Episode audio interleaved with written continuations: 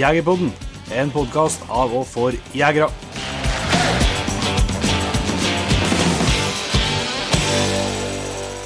Hjertelig velkommen til en helt ny episode av Jegerpodden, Jon Ingevik. Du er kommet deg ut av fjøset en liten tur.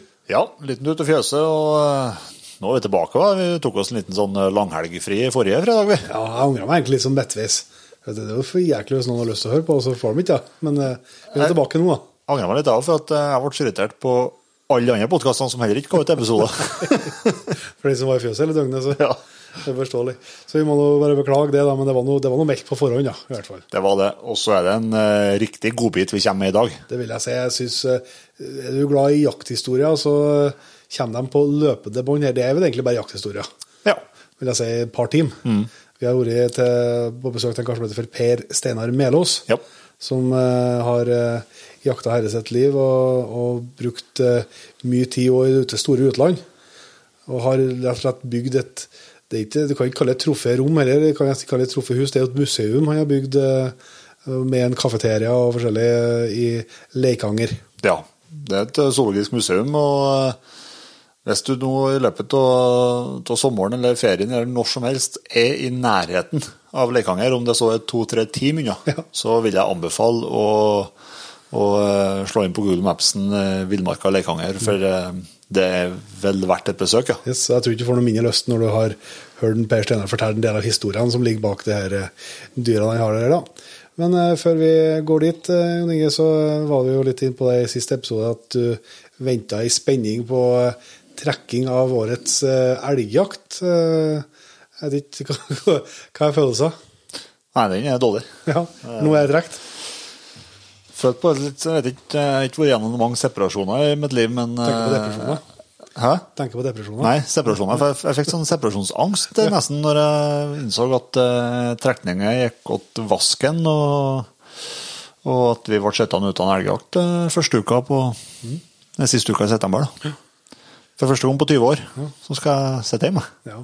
Det kan jo at du har lurt deg med jakta. Jeg ikke det er litt, men det er jo mer at laget ikke kan eh, få den eh, ukentlige turen som er er vant med. Ja, det er det. det nei, altså Jakta er noe, det er sånn så det er jo det er noen muligheter der, men eh, det er det som er kjipt. det med at det, Nå er det jo Ja, vi må nå prøve igjen til neste år, da, men, men det laget som vi er nå, det, det er jo fort det, altså, det kan jo hende at noen går til hver til sitt, og at det er vanskelig å få etablert det tilbake igjen. Ja, det vet ikke. Så det, det er det som er kjedelig med det, for det er jo, det er jo litt den her tradisjonen med Da er vi jo i vekka på hytta, og det er faste handlelister og faste drikkelister og alt, eh, alt som hører med. Så det er liksom det som går litt, vasken, går litt i vasken, da. Ja. altså så er jo vi Jeg har ikke søkt så mye som dere. Jeg har vært heldige med å ha tilgang til mye privat opp igjennom, men eh, vi som bor langt ute på bygdene, vi er jo godt vant med de her innbyggsmulighetene. Ja. Og det er jo ofte eh, altså at det, sjansen øker betraktelig. da. Men likevel er det jo ikke noe garanti, og det viser jo dagårets resultat for deres del. da. Det gjør det. Jeg tror det var tre lag som søkte på det terrenget vi, vi har hatt. da. Så, og Terrenget da- som du sier. Terrenget vårt, ja. Så eh, jeg må slutte å si det. Nei, det, det er tamt, ja, men eh, med flaksen min så er du nødt til å ha mer enn 33 sjanse. Du, du heter jo ikke Svein Jæger Hansen heller. Nei, jeg gjør ikke det. Så Men eh, nye muligheter, det er jo akkurat sånn det er nå derfor vi har Satsemanning og Statskog, og det er nå skal det være like muligheter for alle. ja, ja, ja. ja så det er jo det er mye bra med, selv om det er kjipt selvsagt de gangene en kommer på feil ende av trekkinga. Yes. Så er det jo Jeg vet jo at dem som, de som fikk terrenget nå, det var jo dem som eh, hadde terrenget før oss. De hadde kalt det terrenget sitt, eventuelt. det kan være sånn. Ja, ja. Men det er jo så klart, det er jo eh, Men det er jo også det er jo ikke Som sagt, det kan jo at noen finner annen jakt som de eh, prioriterer, da, men det er jo det er jo ikke det er jo ikke sånn at man venter fire år til å søke på nytt. Nei, det er bare å søke hvert år, det. Yes. Så blir det vel igjen, skal vi se. Ja da. Nei da, det, det blir da høst, og det blir da elgjakt. Vi har noen elger vi skal få gi. Vi har noen elger igjen på kodene, vi. Ja, så vi skal, noen dager skal vi få det ut likevel, tror jeg. Eh, jeg har nå vært ute og trent litt spår, jeg. da. Jeg er jo borti sånn spår, spårleger. Ja. Han Tom, en kompis av oss, eh, var og besøkte Roy Ytterdal. Mm. Han som gjest i Jegerpodden på våren her. Ja. Eh, og gikk bjørnspår, da, eller altså drog en bjørnskinnbit og Førd med Rex, da, som eh, driver og satser litt eh, på å kanskje få til noe bjørnjakt med etter hvert. Eh, Det gikk nå vel tålelig bra. Ja. Men eh, eh, så lenge han får gå fort i sporet, så er han happy. Ja. Vi har litt å jobbe med det at eh, hvis jeg blir litt uh, sein i, i linja bakom, så vimses han av. Ja. Så jeg har lagt noen spor eh, etterpå, etter vi var til en Roy, og ser jo framgangen. ja. Så jeg, det er jo liksom synes, det er kanskje Jeg har gått litt spår med, med han før, og med ettersjøskokjent og, og sånn, så, så, men jeg syns det er utrolig mye artigere da å kunne gå det her, både å legge de her slepesporene og, og gå dem etterpå. eh, Inn de her uh, evinnelige bloddroppene. det, er jo- det, er jo, det er jo egentlig ikke sikkert noe forskjell. Noe, Jeg, Nei, nei. jeg synes det oppleves mye liksom, mer givende og liksom artigere. Og, og jeg syns det virker på i hvert fall han at det, han syns det er artigere òg. Du kan jo kombinere òg, vet du. Du kan jo legge blod i bjørnspor i bjørnslepet Jo, òg. jo, jo, men jeg har ikke la den få sånn, tror jeg. Så, Nei, men Det ser i hvert fall lovende ut. Og så prøver vi nå en runde til med permobjørn til en Roy, da. Og det, han skjelte noe som bare det. Men det er jo ikke noe garanti at eh, det funker i skogen for det, men det er jo det er i hvert fall Det er nå vel eh, mange av de pratene vi har hatt med gjester opp igjennom som har hatt eh, dyktige spisshunder til rovdyr, så det er jo sporinga, det. Det er på vis det som skiller klinten fra hveten likevel. Ja. Det er også den jobben så også. Når de får enden på sporet, og hva de gjør da, det, det må jo bli opp til hund uansett. Ja. Du får liksom ikke påvirka det så voldsomt, nei. Nei. Så, men det virker jo ikke eh, Nå hadde han jo en bjørnlos i, i fjor høst på, på egen hånd, så han skjelte noe da. Og så får han jo tro at det kan gjøre det hvis det blir sånne muligheter mot høsten her. da. Men jeg skal nå fortsette å dra på det eh, Det er jo bare at ikke noen ser det. Det jeg tenker på når det skjer. Ja, men oppe i Rørvik så er det ikke noe stor fare. Nei da. Men, vet noe, men eh, i hvert fall altså, som her har folk litt forståelse for hva han kanskje holder på med. Men klart, hvis det er noen helt utenforstående når du drar og drar en skinnbit i bånd etter deg, eh, ser deg, så klart at jeg skjønner jo hvis det, Vi hadde jo en tidligere gjest i Jegerpodden som eh, hadde drevet slepespor med grevling. Ja. Og drept noen. Stemmer. Og fikk litt forklaring for det. Jeg tenker på den historien når jeg er ute og snubler i lyggen. Så det, men det har jo skjedd eh, litt artige ting siden vi var på eteren sist, eh, hva vi kaller på jussfronten. da. Ja. Eh, Jusshjørnet til Jegerpodden, så har vi notert oss med store bokstaver at staten vant denne Le- Letjern-saken. Ja. Altså der staten var, gikk jo helt til Høyesterett med at de, var, de mente det var ulovlig det her uttaket i ulvesona. Det var NOAH i hvert fall, og kanskje det var flere også, som, som anmeldte dem. eh, anmeldte staten, og, Men Høyesterett var enstemmig i sitt vedtak at det, det var innenfor eh, lovverket, eh, og det har man lovhjemler til å gjøre. Så det var bra. Det er en viktig, det er en viktig ende på den saken. Ja, det er en prinsipielt uh, viktig sak uten tvil, spesielt for dem som, som bor i de områdene. Altså at mm. det, det, er jo, det endrer jo ikke noe på ulvesona sånn sett, altså den skal jo fortsatt være der. Eh, men Ja, det, du får heller ikke blåst liv i ulvene som er døde. Nei da, det gjør du gjør du ikke, selvsagt. Heldigvis, nær sagt. Så, men, eh, men du får nå i hvert fall eh, Det gir i hvert fall et signal på at det å forvalte den, den stammen med ulv i også i ulvesona skal, skal fortsettes med. da. Og Ja. det er noe, veldig, veldig bra. Ja. Og så det noe annet som er nytt, det er jo at det er noe vi har snakket om før òg. digital våpensøknad. Det var jo en jussnyhet, ja. Ja, Stemmer det, det. det kommer Det, er jo, det må jo jeg si at det er jo virkelig en gladsak, da. Ja, det, de, de kommer etter. Ja, det var ikke en eh, dag for tidlig. Men eh, det er også, og spesielt eh, viktig egentlig etter det her endringene på regelverket som kom knytta til førstegangsjegere. Mm. Eller ikke førstegangsjegere, det altså men altså førstegangseiere. Ja. Våpen som, som da for å kunne ha en lovlig, en lovlig utleieavtale, eller utlånserklæring, eh, måtte gjennom den samme søknadsprosessen for å kjøpe et våpen. Ja. Og når du har sett at det, Nå har vel ikke vi vært i Trøndelag har vært i det verste området, men man vet jo at det har vært områder med liksom sju og åtte måneders ventetid. Og det er klart, tar du jegerprøven da i, i juni, Ja, det- så hjelper ikke. Du får ikke, du får ikke lånt deg noen børs til høsten, liksom. Nei, det er bra det blir tilrettelagt, og det, det er jo det er jo nok en faktor som, gjør, som bør føre til at eh, flere kommer seg ut. Ja, ja og så og så- Jeg så jo litt hvordan systemet skulle funke, så det er jo en, eh, det er jo bare at man har mm, gjort en manuell prosent automatisk, der man går inn i IT-register og sjekker om det er en anmerkning på, på søker eller ikke. Ja. Og så, um, og så stikker jeg er så likevel så jeg at det synes jeg, synes jeg sånn pussig. Likevel så jeg at saksbehandler måtte inn og godkjenne. Ja. Altså når systemet har søkt, da, sjekka alle registrene, Mm. finner ikke noen ting, så likevel måtte eh, saksbehandleren godkjenne. Mm. Det skjønner, ikke, jeg- helt, for at da er litt av poenget med å gjort den uh, sjekken bort. da. Ja.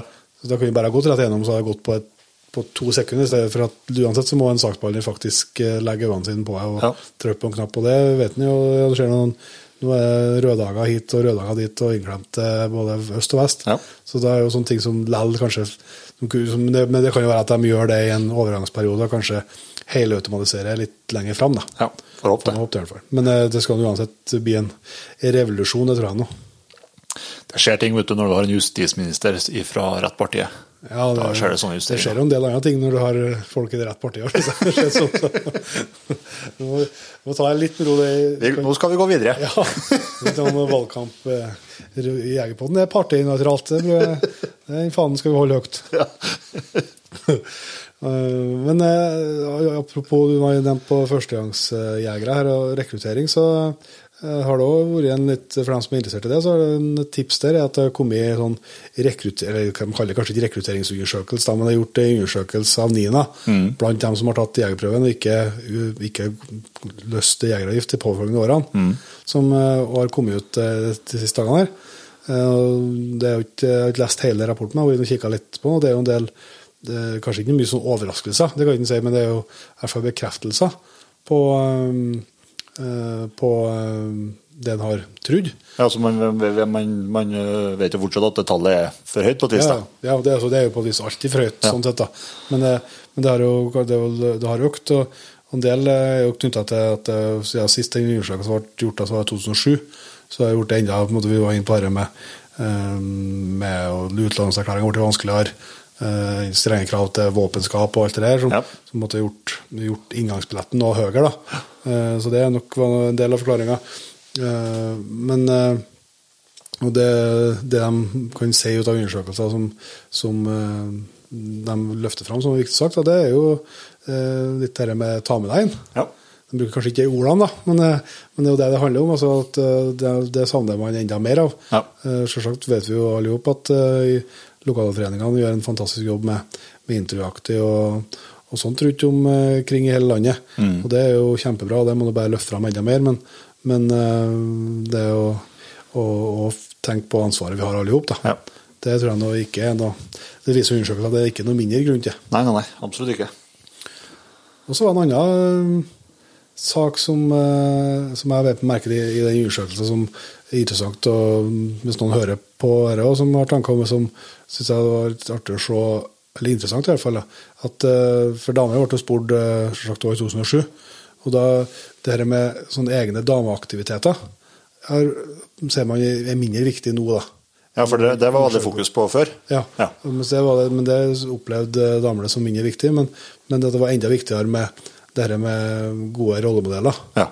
Um, og det er jo kanskje en utvikling i samfunnet, for alt jeg vet. Men, altså, men det er i hvert fall en, en jeg, jeg tenker jo som så at hvis det, um, hvis det er behov for det på visse egne kvelder for noen eller noen andre, så, så er det helt i orden for meg. Så får ikke et tusenslag ekstra av det, men, men jeg syns det er aller artigst om vi kan være lag alle i hop. Ja. Og- Fordi at vi er jo ikke så jævla mange som driver med jakt. da Nei. Og skjøting og sånt som er, så, så det er jo enda artigere om vi kan om vi, de aktivitetene og arrangementene som er, at vi, at vi kan, kan være hele, hele jegerstand, skal jeg si, og ikke Ja. bare en del av den. Ja, gjør det i lag, for at det, det er ikke noe, i utgangspunktet så er det ikke noen grunn for at Nei, man skal, skal måtte være delt. Så, men det kan jo være som både noen samfunnsutvikling, og det kan jo være at, at eh, det etter hvert eh, Heldigvis så blir det både flere og flere, og mer og mer vanlig at damer jakter. Så det kan jo være liksom at normaliseringa gjør at man ikke føler det samme behovet før, da. Som vi kanskje gjorde for eh, da 16 år siden, eller hva var siste undersøkelsen har gjort. det. Og så er vi jo heldige med at eh, det er jo faktisk mange eh, kvinnelige gode rolle- rollemodeller innenfor jaktbransjen. Yes. Og det er klart at det har, jo, har det jo skjedd ting med, med sosiale medier. Og, Ja, da er vi mer synlige. Ja, det er jo kjempebra. Yep. Så det går å sjekke ut. Men eh, apropos den her eh, delen der, så vi har jo gjort et sammen med, med Mauser og Torafjellets Kennel og Ravnu og, og eh, Dyrefôr Ja. gjort et uh, lite, lite minispark vi òg for rekrutteringssaken, og løft uh, den fanen høyt. Og Det er jo en uh, pakke, rekrutteringspakke, eller en drømmepakke, vil jeg kanskje kalle det. Med både hundkvalp og børs og klær og, og hundmat til en heldig, eh, heldig ung jeger. Og nå skal jeg bare kort innpå og si at nå har det passert over 300 søknader. Ja. Så vi, eh, den, vi, har, vi har en jobb framme oss med å plukke ut den der. vi har det, og en eller ei. Og den godeste valpen er jo leveringsklar om ikke så veldig lenge. Så vi må ta hive oss rundt. Ja, vi må begynne å gå gjennom. Vi må det. Så hvis du akkurat når du hører på dette, så er det fortsatt mulig å sende en søknad hvis du hører på fredag når det kommer ut. Men eh, jeg tror ikke du må trekke noe Du må ikke lenger vente mange dagene, nei. For da må vi stenge, stenge søknadsskjemaet og finne den heldige utkårede. Yep. Så nei, det er jo helt, Jeg synes, jeg trodde jeg skulle komme med det søknaden, men jeg har ikke tippa på over 300, nei. Nei, jeg har tippa sånn ja, mellom kanskje mellom 50 og 100 plasser. Ja, ja det, det, er, det har jeg syntes vært bra. Ja. Så det synes jeg, Og det er jo det har nå ikke jeg sett jeg har lest alle søknadene, men at jeg har skumma gjennom ganske mange, det har han gjort. og jeg har ennå ikke sett noen som har tenkt at nei, det, du skal i hvert fall ikke ha så, så det meg virker som at det er 100 og eh, verdige mottakere alle sammen. Så det er jo kjempeartig. Um, og så Før vi slipper til en Per Ståle, så er det to ting til som jeg har notert meg som vi var innom. Det ene er jo, vi har ikke sagt noe om, det er nesten rart, men det er jo godt noen dager siden. Men det, vi har hatt femårsjubileum. Mm. Tenk det. Fem år med Jegerpodden. Ja. Ja, det er helt eh, Det var jo i- altså, i mai 2018 at de første episodene eh, ble lansert. og Jeg vet jo at eh, mange har kommet etterpå, men jeg vet jo at det er mange som har vært med oss helt fra starten. Ja. Og det er jo, du ser jo responsen vi har fått når vi har delt litt om jubileet på sosiale medier, så er det jo rørende å se. Vi er litt dårlige markere sjøl. Vi har ikke vi har verken hatt noe kalas eller Det har noe med at du er lamma. Så det er ikke- skyld på meg. Det er ikke ordet mulig å få det ut av ja, fjøset. vi, vi, må, vi skal ha ei solidar markering av det, men, eh, men vi har nå funnet på noe nå i første omgang, i hvert fall, Yes. for å si takk til alle dem som eh, er med oss. er med i P3-jaktlaget, som er selvsagt eh, den aller viktigste eh, foten i at dette er mulig. Mm.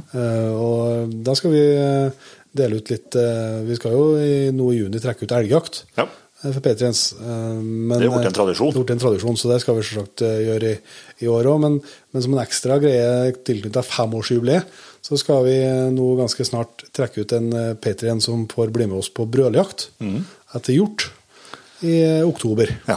Eh, Vi har eh, terrenget klart, og alt er på G, men eh, vi er jo ikke så voldsomt rutinert brødjegere. Det skal vi ikke ha på oss, da. Nei, Er vi riktig heldige, så, så hvis vi er heldige, så kanskje vi trekker ut en som kan litt mer enn oss som er her. Men det får i hvert fall, vi får i hvert fall være med. og det, Jeg vet jo at den godeste Joar har tenkt seg oppover til Trøndelag. i han er jo i den vaset der, da, så det kan jo være at vi, vi styrker, topper laget litt. det får vi nå komme tilbake til. Men eh, hvis du ikke er med i P3-laget og har lyst til å bli det og få sikra plassen din i trekninga, så er det bare å klikke seg inn eh, på lenka som ligger i beskrivelsen av episoden. Ja. Så eh, er du, øker sjansene dine fra null til litt mer. Ja. Så håper jeg jo at vi treffer både P3-ens og andre nå til neste helg på Viltgården og helga etter der på Nordnorsk villmarksmesse. Yes, Det blir godt å komme seg litt på jul igjen og begynne ut og treffe folk. Og Vi marker litt sammen, så vi blir litt hist og pist. Ja, ja, ja.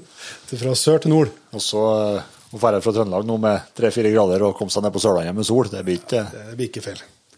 Nei, men vi øh, maser ikke noe mer. Nå tror jeg vi bare setter over til en Per Steinar. Kjør på. Da har vi gleden av å ønske Per Steinar Melås hjertelig velkommen til Jegerpodden. Takk for det. Og tusen takk for at du har åpna dørene til et eh, skattekammer, vil jeg nesten si, her i Leikanger. da. Ja, eh, på mange måter så er jeg enig med deg. Ja, det skjønner jeg. Det er, et, eh, det er for meg dette her et skattekammer som har gitt meg utrolige opplevelser, fantastiske opplevelser. Og eh, eh, av alle de tre, vel 300 dyra som jeg har her i huset, så har jeg lyst å til Ja, ja. podkast-lytterne og dele en opplevelse med meg. Og det er når jeg reiste på bjødnajakt i, eh, i eh, Russland. Ja. Og da reiste jeg til Magadan. Eh, det er ikke alle som vet hvor Magadan er, men som en liten illustrasjon så kan jeg fortelle. Når du tar flyet fra Oslo til Moskva, så tar det to timer og 20 minutter. Så bytter vi fly der, og så reiser vi rett østover. Og da flyger vi, og etter mange timer så sier kaptein at nå ligger Korea på vår høyre side. Og så fortsetter vi en stund til. Da sier kaptein nå passerer vi Japan på vår høyre side. Og så flyger du en time til, så lander du da på Kamtsjatka. Og Kamtsjatka det er en lang sånn halvøy som går fra Magadan og sørover, faktisk mot Japan. Ja. Men jeg landa denne gangen så landa jeg i Magadan, som var hovedstaden i det gamle Magadan, fylken region i det gamle Sovjetunionen. Ja. Og der ble det tatt veldig godt imot av Igor, som skulle være da jaktsjef og guide og det hele. Han var tsjetsjener og hadde rømt til Magadan. Magadan der forlater aldri permafrosten jorda. Nei. Så de dyrker lite, men de får veldig mye forsyninger utenfor og grønnsaker og sånne ting. Og der vel, lå jeg da i ei natt før ekspedisjonen var klar. Og ekspedisjonen skulle gå nordover. Og vi satt i biler, og vi kjørte nordover og nordover og nordover. Eh, et, heil, et helt døgn. Så gikk vi over. Der overnatta vi. Og det var russiske lastebiler. Eh, De hadde scootere. Det var slik som vi hadde her på 60-tallet. Det var en sånn eh, Vi kaller det for bamse med ei ski Ja, framme, ja, ja. Og vi kjørte innover i villmarka. Det var jeg og noen jaktkamerater som hadde funnet ut at dette skulle vi oppleve. Vi hadde hørt bjørnehistorier fra vi var små guttunger, og nå skulle vi på bjørnejakt.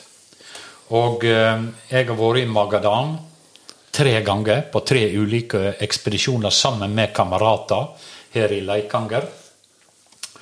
Og eh, det har vært en eh, utrolig opplevelse. Vi reiste innover på scootere innover i fjellet. Og det er store områder. Enorme områder. De hadde også bygd om en russisk tanks, slik at de er tatt av kanoner Ja. og kjørte innover i villmarka. Og der skjer det alltid et utrangert russisk material, materiell fra det militære. Ja. Det var i dårlig forfatning. Naturligvis så knakk en av beltet, og da fikk vi fem timer stopp. Vi var ute og jakta. Og fant noen sånne gedigne elgspor og baran. Disse her geitene som går opp i fjellet der. Så nei, men eh, vi var innover, langt innover i eh, fjellet der. Og jeg hadde med meg en guide som vi reiste i lag da. Han kjørte scooteren Bamse, og jeg satt på sleden. Å! Ja, du tror ikke. Og så spruta det sånn fra scooteren vet du, bak meg, vet du. Så vi måtte ha noe håndkle og noe slikt som vi la bak på scooteren. Men vi var ute i villmarka. Det var jeg og Nikolai, et fantastisk menneske. I disse dager med Ukraina og vårt forhold til Russland, så er ikke det politisk korrekt å si noe positivt om russere. Men folket er på mange måter fantastiske når du møter dem på flat mark med utstrakte hender. Og det første de sier til deg 'Vi vil ha fred'. Mennesker er fantastiske, men politikken er foraktelig. Ja. Sånn må jeg bare si det. Ja. Eh, jeg og Nikolai vi overnatta ute i villmarka. Av og til så fant vi noe sånn pelsjegerkoie, lafta. Fordi at landskapet der, det var i Dalbotn så var det enormt med lerk. Ja. Jeg tør å si milliarder av kubikkmeter lerk. Ja. Men ø, små åskammer, runde åskammer rundt om, dekte med snø. Dette var i april. Ø, snøsmelting. Og ø, vi fant jo mange bjødnaspor. Det var ikke noe vanskelig med å finne dem. Det gjorde vi. Og eh, vi eh, eh, Ja, vi jakta. Vi kjørte rundt om med bamse.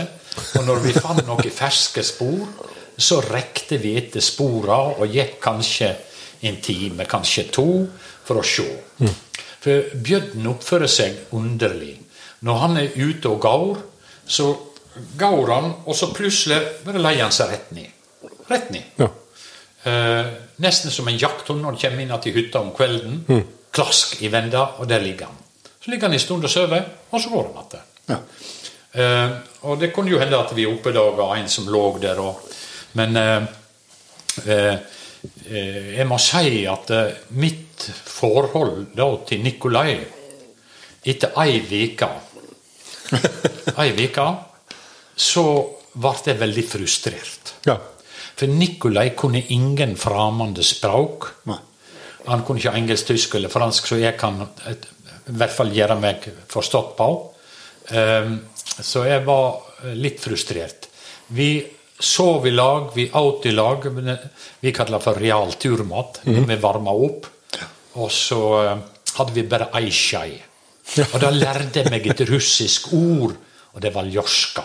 Det betyr Og han hadde den i brystlomma, og så ga han den alltid først til meg. Så jeg åt av denne her turmaten, og så ga jeg skeia til han. Da kunne han ete.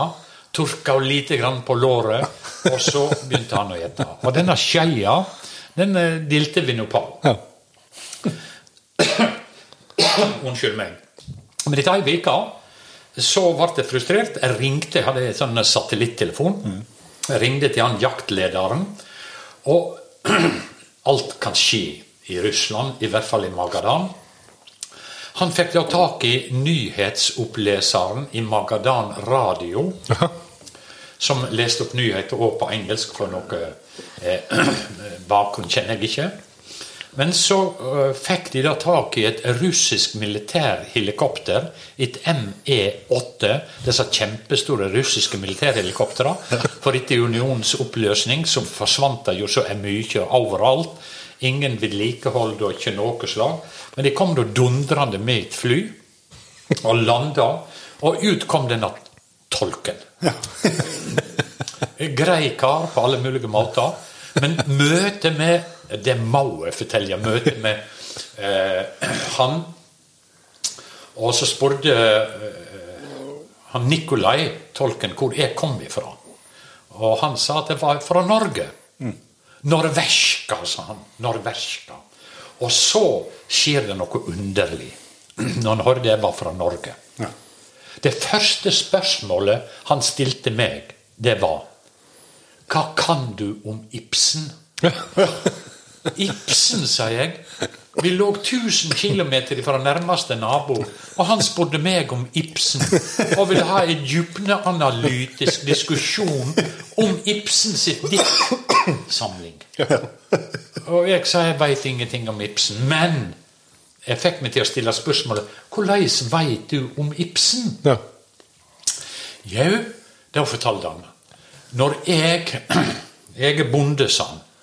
Når jeg har guida noen fra Europa eller Amerika, så kan det hende jeg får noen rubler ekstra i handa mi. Og da reiser jeg og kona, vi kjører tre dager med snøscooter for å komme til hovedstaden. Og det første vi gjør, det er å gå på et bibliotek og låne så mye bøker vi kan. Og det neste vil vi hater rubler i handa, så går vi på teater.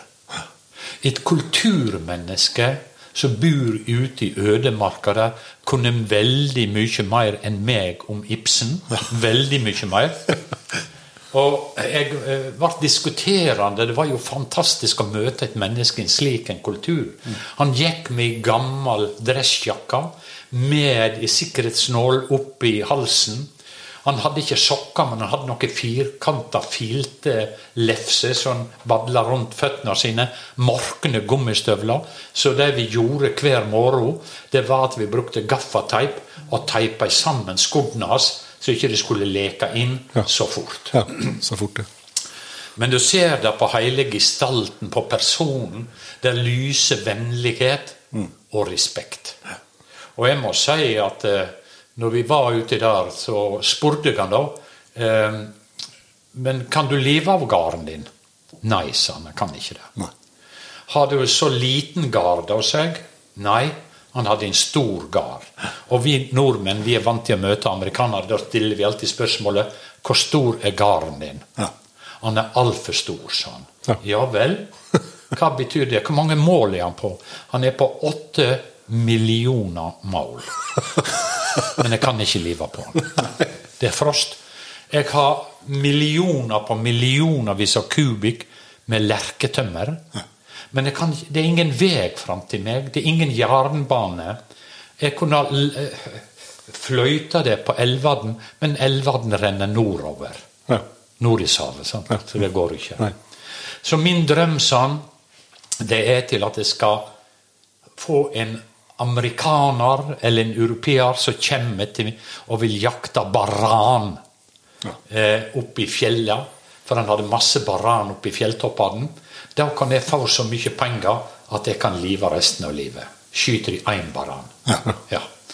Men vi eh, Dette var liksom litt om Nikolai, litt om mennesker. Og slik var alle sammen. Veldig gjestmilde, ivaretakende. Men du kan si at sikkerheten er ikke den samme i Magadan eller Russland som det er f.eks. hvis du er i Afrika. Nei. Da får du ikke lov til å gjøre ting for de skal passe på deg. Det må ikke skje noen skade på noen jegere, for det er så dårlig renommé. Der- Det er litt villmannsliv. Ja. Vi, vi kjørte på ei elv, og det var snøsmelting. Vi kjørte på elva, og så skulle jeg kjøre en bamse da en stund, og kom eh, ut på den elva der, og så knakk isen. Og da ropte han ifra land 'fest i tau' på scooteren. Eh, Scooteren for ned. Men det var såpass til at jeg kunne hoppe på elva og komme meg i land. da. Og så drog jeg og han scooteren på land. Og ordna litt her og litt der, og så starta scooteren igjen. Ja da. Vi kjørte og kjørte. Det var og, og de hadde ikke noe våpen. Han hadde med seg en 22 kaliber, salong, Ja. så han skulle være backup på meg. På Bjørnøya. ja. På, på bjørna, ja. Ja. Og det, det var store bjørner. Det er skikkelig store bjørner. Ja, det er store bjørner. Du vet, Bjørnene som vi har i Norge, er jo små. Det, ja. Nei, så eh, Vi, eh, vi eh, En dag når vi Det var ikke noe vanskelig å skyte bjørner. Nei. Det var veldig lett, faktisk. Eh, En dag jeg var på Kamtsjatka, så så vi 42 bjørner på én dag. 42. Så det var ikke noe vanskelig. Nei. det var ikke det. Men eh, det var liksom helheten rundt det.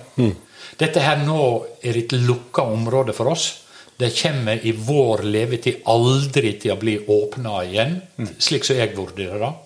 Eh, Så Det er pga. den politiske situasjonen? den politiske situasjonen, og slik som det nå utvikler seg, så ser jeg at det området er nok eh, stopp for oss. Det tror jeg.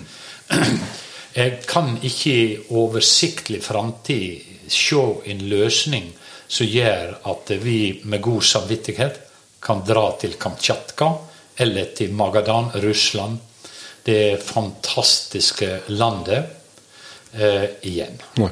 Nei, jeg tror ikke det. Jeg, eh, på vår eh, kjøring utover eh, Nå, nå Jeg blander ikke, men jeg er litt bevisst på at jeg hoppa litt til en annen tur. Ja. For dette, det var litt sånn fabelaktig når vi kjørte utover der med den eh, den her krigsmaskina si, Ja. den tanksen. Eh, Så kom vi langt, langt, langt Vi hadde kjørt i flere dager innover. Da kom vi til en sånn, et hus som sto der, og så sto det et telt. Ikke en jurt som de har i, eh, i eh, Det var mer som et sametelt. Og så kom det røyk ut av toppen av det. Vi stoppa der og ble invitert inn. Vi overnatta til og med der. Da, og, og der eh, Det var Befolkningen der ligna veldig mye på inuitter. Ja. Veldig mye. Og det teltet der ble jeg litt sånn interessert i, for jeg så røyken komme ut. Så jeg gikk hit i det teltet og åpna det, og der satt det en kvinne inne og amma sitt barn. Ja. Og med litt redde øyne, og så bare på oss undrende. Og da tolken fortalte at eh, hun satt der og venta på mannen sin, som skulle komme med reinsflokken. Ja. Og jeg kikka meg litt rundt i det huset der, og det så ut som en, eh, en lyttestasjon. Ja. Og det tror jeg det var, men alt utstyret slikt, det var sunderrusta, det var falt ned, og det Ja, det så ikke ut. Så det var nok en lyttestasjon. For når du er helt øst i eh, Russland, så er ikke det langt til USA. Nei. De, Det er ikke mer enn 87 km mellom Russland og Alaska. Så det var en ypperlig plass for lyttestasjoner. ja. Så når jeg eh, skjøt den største bjørnen jeg har her, da eh, var vi på eh, Hadde vi vært på en rundreise da en dag. Og så på veien tilbake til jaktcampen så så vi en bjørn langt oppi lia. Og der drog disse her Da var vi flere skutere i lag. Da drog to skutere opp og prøvde å styre bjørnen inn mot oss. For jeg og guiden vi satt nå atter der og venta, og etter lang stund så fikk vi høre på telefon at uh, bjørnen var på vei mot oss. Men da var det et stort parti med bjørkeskog. Og eh, jeg kjørte litt, jeg prøvde å vurdere hvor er han kan komme. Ja. Så jeg kjørte litt, og han, eh, han kom der. Vi var heldige. Ja. Jeg bomma med ti meter. Så bjørnen kom, og når han så oss og ble oppmerksom på oss, så sprang han opp på en liten forhøgning. og Der sto han. Ja. Så jeg satt nå på denne skuteren og eh, tok opp geværet. Og det var en veldig enkel affære, egentlig, til å avslutte den jakten. Men når vi slakta den hannbjørnen, så kikka vi alltid på mageinnholdet, for det er interessant å se. Og dette var om våren, april. Og da hadde denne hannbjørnen ete en bjørnunge. Ja. Vi fant helt Det var nettopp ete. Ja.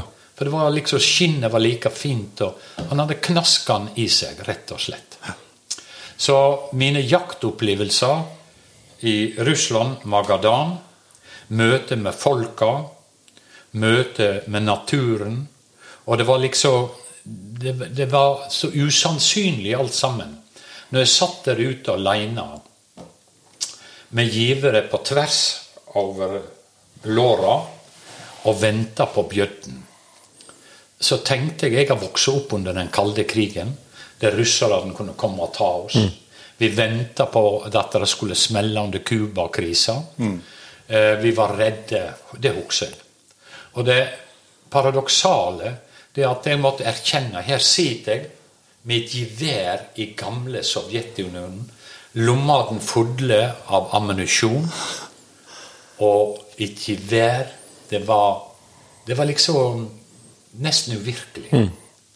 Men å sitte der ute aleine og vente på at bjørnen skulle komme, det var den absolutte stillheten. Ja. Den, du, du hørte liksom snøen sildra ifra lerketrinna. De nettene med de enorme himmelen. Ja. Fordi at det er jo kontinentalt klima. Veldig tørt og kaldt. Men kulden, den var ikke så ille. Selv om det var minus 40, så opplevde ikke det så kaldt. Vi forfraus litt nese og kinn og ører og litt sånn, men det var ikke så gale. For at det er så tørt. Det var tørt klima. Så det, det var en eh, Det var opplevelser, og det er derfor jeg har reist tilbake dit til sammen fire ganger. Fordi at det var uforglemmelige opplevelser med fantastiske folk. Maten var helt grei, som en jeger. Eh, Det var ikke buffeer. Det var det ikke. Men vi ble mottatt som herrefolk i, eh, på jakten. Også i hovedstaden Magadan. Der møtte politimesteren opp. og ga oss en guidet tur rundt i Magadan by. Politimesteren Politimeisteren satt fremst. Han hadde tatt med en kasse øl som han drakk. og ga oss guiding rundt om og fortalte oss oppe i fjerde etasjen i dette bygget her, så er Jelena Welbe, den fantastiske skiutøveren. Der er hun født og vokst opp. Her er treningsarena. Hun er skipresident fortsatt i Russland. Og hun var i Trondheim og tok mange gull. Det gjorde hun. Men eh, ja da, så eh, det var en utrolig opplevelse. Det er en sånn opplevelse som du bærer med deg, tenker tilbake på, med varme, spenning. Og så er det noe med at jeg tok jo alle bjødnene tilbake hit til Norge Ja. og stoppa de ut, slik at jeg har et minne. Og det betyr at jeg ofte sitter gjerne aleine her og kikker på det, memorerer, tenker tilbake på opplevelsen, spenningen og alle de utfordringene som var når vi datt ned i ishull og noe sånt. Hvordan de ordna opp og passte på vår sikkerhet. Vi kjørte med en lastebil en gang. Så datt vi gjennom isen i elv. Vannet rann inn i lasteplanet. Vi måtte klatre ut gjennom teltduken for å komme oss i land, men det var greit. Det var, det var, det var liksom Ja, ja, dette er en del av livet. Og de fortalte da, disse her eh, guidene, at når de var i militæret og var på øvelser og lite mat, så skjøt de disse store elgene med kanoner oppe på eh, tanksen. 800 meter skjøt de på. Ja. Så det var Ja, nei, det var, det var et fantastisk folk, det var det. Men de likte veldig godt eh, sterke drikkevarer. Ja.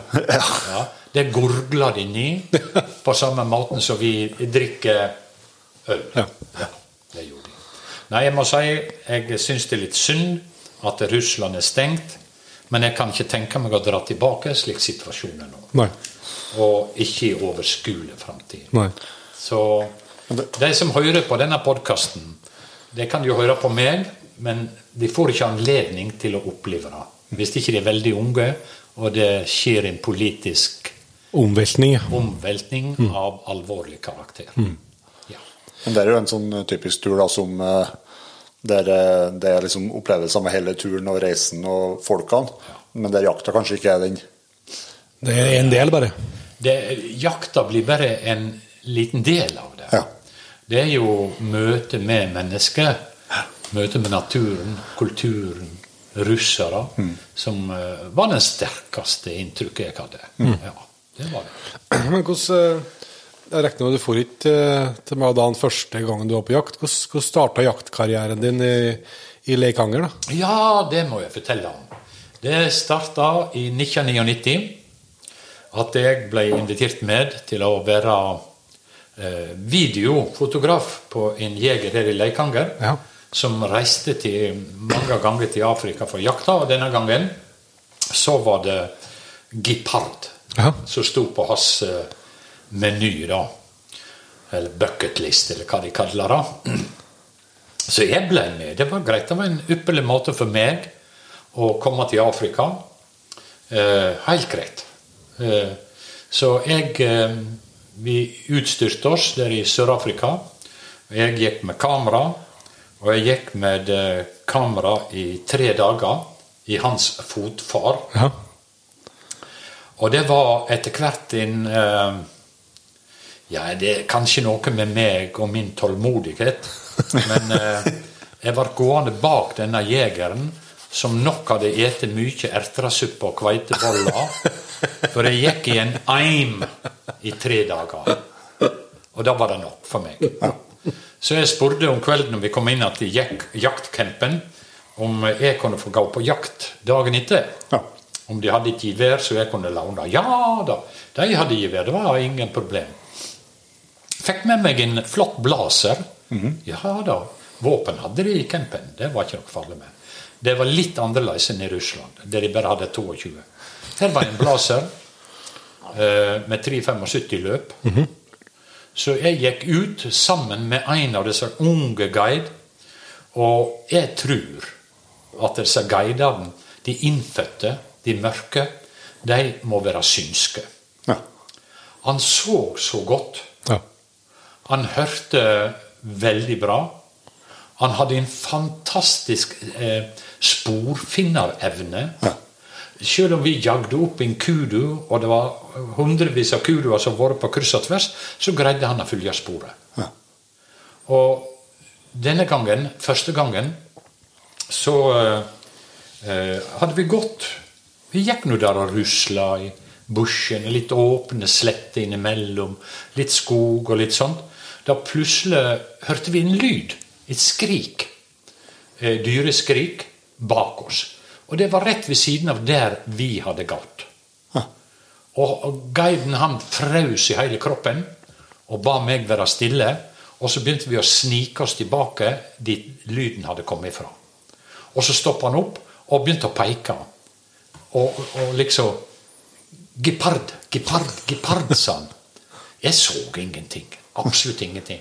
Var oppe med geværet og skrudde kikersiktet på fullt. Jeg kunne ikke se noe inni buskaset der.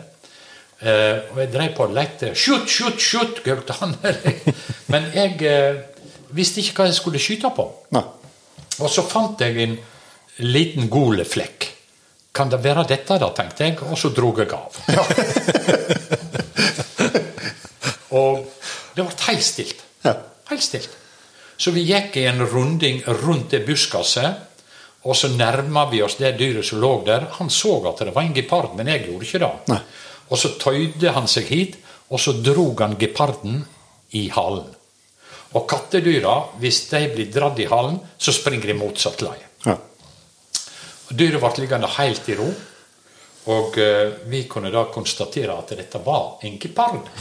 Og skriket det hadde kommet fra en liten kudukalv som geparden hadde tatt. Så han hadde tatt sånn strupebitt på han. Og vi røyste opp at kalven, og kalven sprang videre. Ja. Og geparden lå igjen. ja. Så når han kom inn igjen til leiren, så fortalte han om den fantastiske skytteren. Det er ikke jeg. Nei, jeg er ikke det. Eh, men jeg hadde det, det var liksom et sånn flakseskudd. Vi visste at ikke det var folk, og det var ikke noe vi hadde gått forbi der. Men da lå faktisk geparden mens vi gikk forbi, og prøvde å ta livet av den kurven. Så det var det første dyret jeg skjøt i Afrika. Ja. I, Det 90. I 99. I 99. Og det var første liksom, utenlands, utenlandsreise. Utenlandsturen min. Ja. For du har jakta litt i Norge før den tida? Ja, ja. Ja, ja. Det har jeg gjort.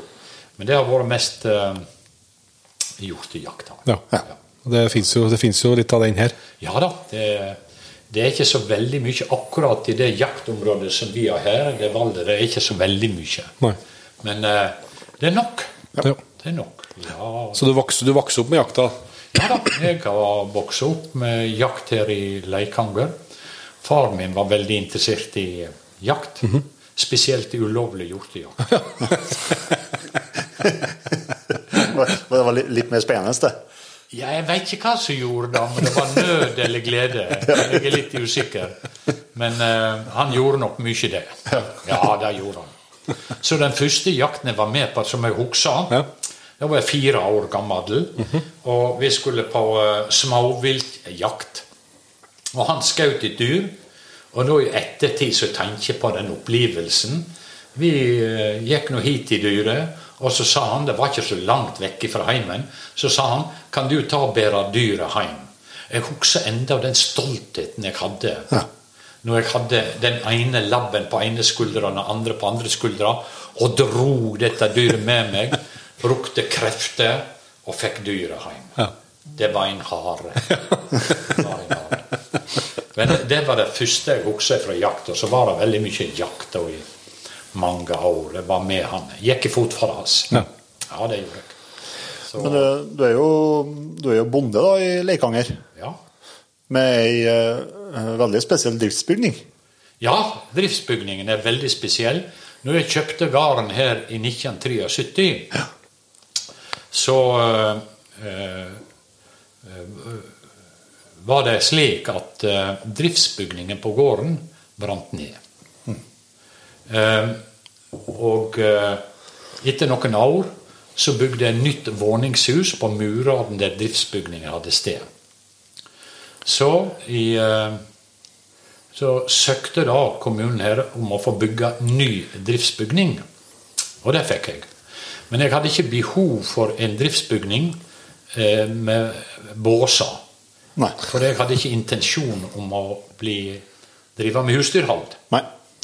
Så jeg søkte og tegna og leverte til kommunen og fikk det godkjent. For det står ingenting i loven om at en driftsbygning skal ha levende dyr. Så jeg fant ut at jeg ville ha døde dyr. Så jeg bygde denne her. Den er på 760 kvadratmeter. Så jeg bruker til å stille ut de dyra jeg har her. Og det er jo, Du nevnte jo tallet, nesten 300. I, og det er jo liksom når, kan, når du går rundt og ser på det som, som jeger og, så Det er jo så fantastisk flotte dyr, selvsagt, og, og fantastiske utstopinger. Men da, vi, vi har en liste her med alle dyrene, og selv om Jegerpodden ofte har ganske lange episoder, så tror jeg ikke vi kommer gjennom hele lista. Men Nei, tenk i hvert fall at vi må, vi må liksom i hvert fall plukke ut noen Kall det godbiter. da. Så jeg har litt, så kan, For alle dyrene har jo en historie. Alle har en historie. Så at, uh, hvis vi starter med Marco Polo Ja! Det- Marco Polo, vet du. Det er et uh, dyr. Og når jeg holder foredrag her om dyra, så gir ofte folk en quiz. ja. Og det spørsmålet går ut på uh, Dette dyret her det ble tegna første gang i 1273 av en gud som kom fra Venezia. Han var med far sin på Silkeveien. Og dette dyret det bærer hans navn i dag.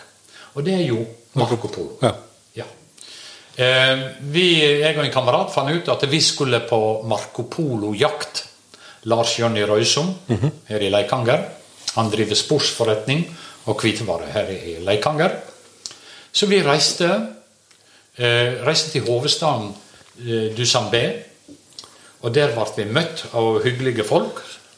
Eh, Tadsjikistan, det er langt vekke. Ja. Det er langt. Tadsjikistan det ligger rett nord for Afghanistan. Og grensa mellom Afghanistan det er ei elv Ja. som danner grensa. Jeg visste ikke det var et land som het før. Uh... Nei. Nei. Og der kjørte vi langs den elva, altså grensa, der vi satt i en flott bil. Det hadde de. En skikkelig landcruiser. Og jeg og Lars Jonny satt med hver vår rifle og lomma den fulle med dollar. 30 meter ifra oss var Taliban. Ja. Ja. Eh, Det var en eh, veldig spesiell reise. Den veien der fra Dushanbe og så oppover og innover i fjella, der har ikke de hørt om noe som heter autovern. Når vi kjørte og kikka ned i elva, det kunne være flere hundre meter rett ned, og sprekke innover i veien. Vi bare kjørte over dem Men faktisk er at der går hovedtrafikken fra Kina kommer den veien. Ja. Så vi kjørte over natta, kjørte innover i fjellheimen. Og da kommer vi inn i et fjellområde som heter Pamir. Det er egentlig forlengelsen av Himalaya mot vest. Og Der kommer vi opp på noen enorme slettelandskap. Og hovedveien som går helt fra Kabul til Moskva, går over Pamir. Og når vi kjørte der oppe time etter time etter time, da kom det en fotgjenger. En sekkturist. Og vi, vi trodde ikke våre egne øyne at dette er mulig. Når vi passerte han og fikk se i bakspeilet, så hadde han et norsk flagg på ryggsekken. Så hvis noen hører på denne podkasten, og de kjenner seg igjen, vær så snill og takk og takt. Det var bare forunderlig. Nei, vi kjørte eh, nordover da eh, i eh, hele dagen på det slettelandet der. Kom innom små hva skal vi si, landsbyer. Det var en utrolig verden. Og eh, vi var inne, da var det stummurt. Og en kameraten min, vi var inne, og så fikk vi noe eh, kjøtt. Ja. Kjøttmåltid. Men så måtte han på toalettet. Og han spurte hvor toalettet var. Og da han verten han tok en eh, rull med toalettpapir. Det hadde de. Så gikk han ut, Og så i mørkene, og det var jo litt lys ifra døra, så pekte han på en jordhaug. Det var toalettet. Ja. Så han, Lars Jonny gikk dit, men han tok med seg toalettpapir inn igjen. Og han Lars Jonny fikk ikke. Det var liksom, det var standarden. Og vi kjørte videre, og så kom vi til en innsjø. Og det var like før du kommer til Kirgistan, som òg er et veldig spennende jaktland. Jeg har jakta der også. Men da tok vi ut og kom inn på en leir. Vi kjørte i villmark, altså. Når du kommer så høyt, over 4200 meter, så er det ingen vegetasjon. Det er bare gras. Bare gras. Og eh, det, eh, vi kom fram til leiren, campen, og der ble vi innlosjerte. Eh, veldig hyggelige folk. God mat, gode senger. Jeg og Lars Jonny ble installert på et rom der i lag. Og det var et underlig rom. Det var så mye medisinsk utstyr der. Så jeg spurte jo jeg ved maten hva dette her betydde. Og da fortalte han ene av de som drev denne leiren, at han var nevrolog. Han var nevrolog på et sykehus i Moskva. Men så tok han jaktoppdrag, for da tjente han mye bedre. Og han andre, det var tre stykker der, han andre han var indremedisiner. Også med jobb i Moskva. Og den tredje, han var barnelege. Ja. Så vi følte oss egentlig gode. For når du er 4200 meter over havet, så får de fleste mennesker høgdesyke. 50% av befolkningen får høgdesyke på 3600 meter. Så jeg anbefaler Jeg har hatt høgdesyke i, eh, i eh, Peru. Så jeg anbefaler folk til å ta medikament. Ta det medika, i hvert fall. Ja. Slik at de kan ta den. Og der er det to medikament du kan ta. Det ene medikamentet ble utvikla for sånn trykkforskjeller i kroppen. Men de oppdaga at det hadde en bivirkning. Og denne bivirkningen det er noe som eh, mannfolk nå bruker penger på. Mellom annet nesehorn. Ja. Fordi at eh, i dag blir det medikamentet solgt, og da heter det Viagra. Ja. Eh, og så har du et medikament til som da kan brukes mot høydesyke. Så vi tok medikament, men ikke Viagra. Vi hadde tanke på hva ville jakkeideren tro. Vi kommer ut om morgenen, ikke sant. Så vi, eh, vi eh, holdt oss til andre medikamentet. Men det var en jakt, altså. Vi kjørte jo, Da kjørte vi på lastebiler. Altså Militærlastebiler eller et eller annet sånt. Vi kjørte ut i fjellet, og eh, der, når du kommer så høyt, så er dyra utrolig varsomme og vare. Fordi at det er ingen trær som beveger seg. Jeg er ikke vant til bevegelse. Så når du kommer i en silhuett eller et eller annet, går over en kam, så ser dyra deg og springer. Ja. Og når de hadde borgerkrig i Tadsjikistan, så skjøt de ut nesten alt som var av Marco Polo. Eh, mat til geriljakrigerne. Ja. Slik at i dag så er ikke det lovlig å skyte mer enn 80 Marco Polo i Tadsjikistan for året. Eh, vi så mange Marco Polo. og eh, vi jakta. Og så oppdaga disse guidene, de ser jo så veldig godt, eh, fem Marco Polo langt opp i fjellsida. Og jeg tenkte uff, skal vi opp dit? Men det gikk, de springer jo oppover fjellsiden. Ja. Jeg gikk med eh, skistaver. Og du går bare ti-tolv skritt, så må du stoppe litt og puste. Ti-tolv skritt, stoppe og puste. Så, men eh, når vi kom opp det som vi skulle skyte, så hadde de bevega seg. Og det var veldig langt hold. Men jeg hadde noen fantastiske børser som jeg hadde lånt Ja. av de folka der ute. Og jeg brukte dem, og jeg var kjempeheldig. eh, eh, Og fikk et, en Marco Polo Ja. Som jeg er veldig godt fornøyd med. Og veldig flott utstoppa av Espen Lunde. Ja. Han er eh, den som stopper ut de fleste dyr for meg. Og jeg er kjempefornøyd med eh, den jobben han gjør. Det er kunstnerlig. Det er fantastisk gode. Ja. Han er vel meget anerkjent, han, ja. ja, han er anerkjent. ja. Eh, Jeg kaller han vel for Norges beste, men det er ulike meninger om det. Jo, jo, det er klart. Men han har vel eh, Han har noen sånn VM-medaljer og VM-gull og sånt å slå i bordet med. altså. Ja, det er han. Han er fantastisk å stoppe ut, ja. Så han har hjulpet meg med de dyr jeg ikke sjøl har skutt her. Så er det han som har fått tak i de. Ja. Og eh, han er på besøk av og til, altfor sjelden, eh, og kikka til dyra. Ja. I driftsbygningen. ja, i driftsbygningen. Ja. Men det var, det, det var over ca. 300 arter. Ja. Og 90, ca. 90 av dem har du felt sjøl. ja. Ja. Et annet eh, historie som jeg gjerne skulle ha hørt av eh, Per Steinar, det er den Det er forholdsvis voksen krokodille der. Ja! Å ja! Dette er en voksen krokodille. Ja, hvis de vil høre på meg, så skal jeg fortelle det. Vi hører. Jeg hadde ingen tanke om å skyte krokodille. Det var ikke på min bucketlist. Nei. Nei, det, nei, jeg har aldri syntes noe om dette dyret der. Nei. Så jeg gikk nede i Namibia og jakta. På savannen. Jeg og så en guide. En fantastisk kar som eh, jeg fortsatt har veldig god kontakt med. Ja. Og vi gikk nå der, og hadde nå gått noen timer. Så hørte vi et kvinneskrik. Og hva var det, liksom? Stoppa opp, lytta. Og han tok jo veldig fort. Der er ei stråhytte, og der står det en kvinne utfor og vinker og skriker til oss. Hun vil at vi skal komme bort dit. Og vi rusla nå hit der. Og da fortalte hun at eh, hun hadde hatt besøk av en krokodille som hadde tatt kyri hennes Kyri, det er ku. Ja, Kyri hennes.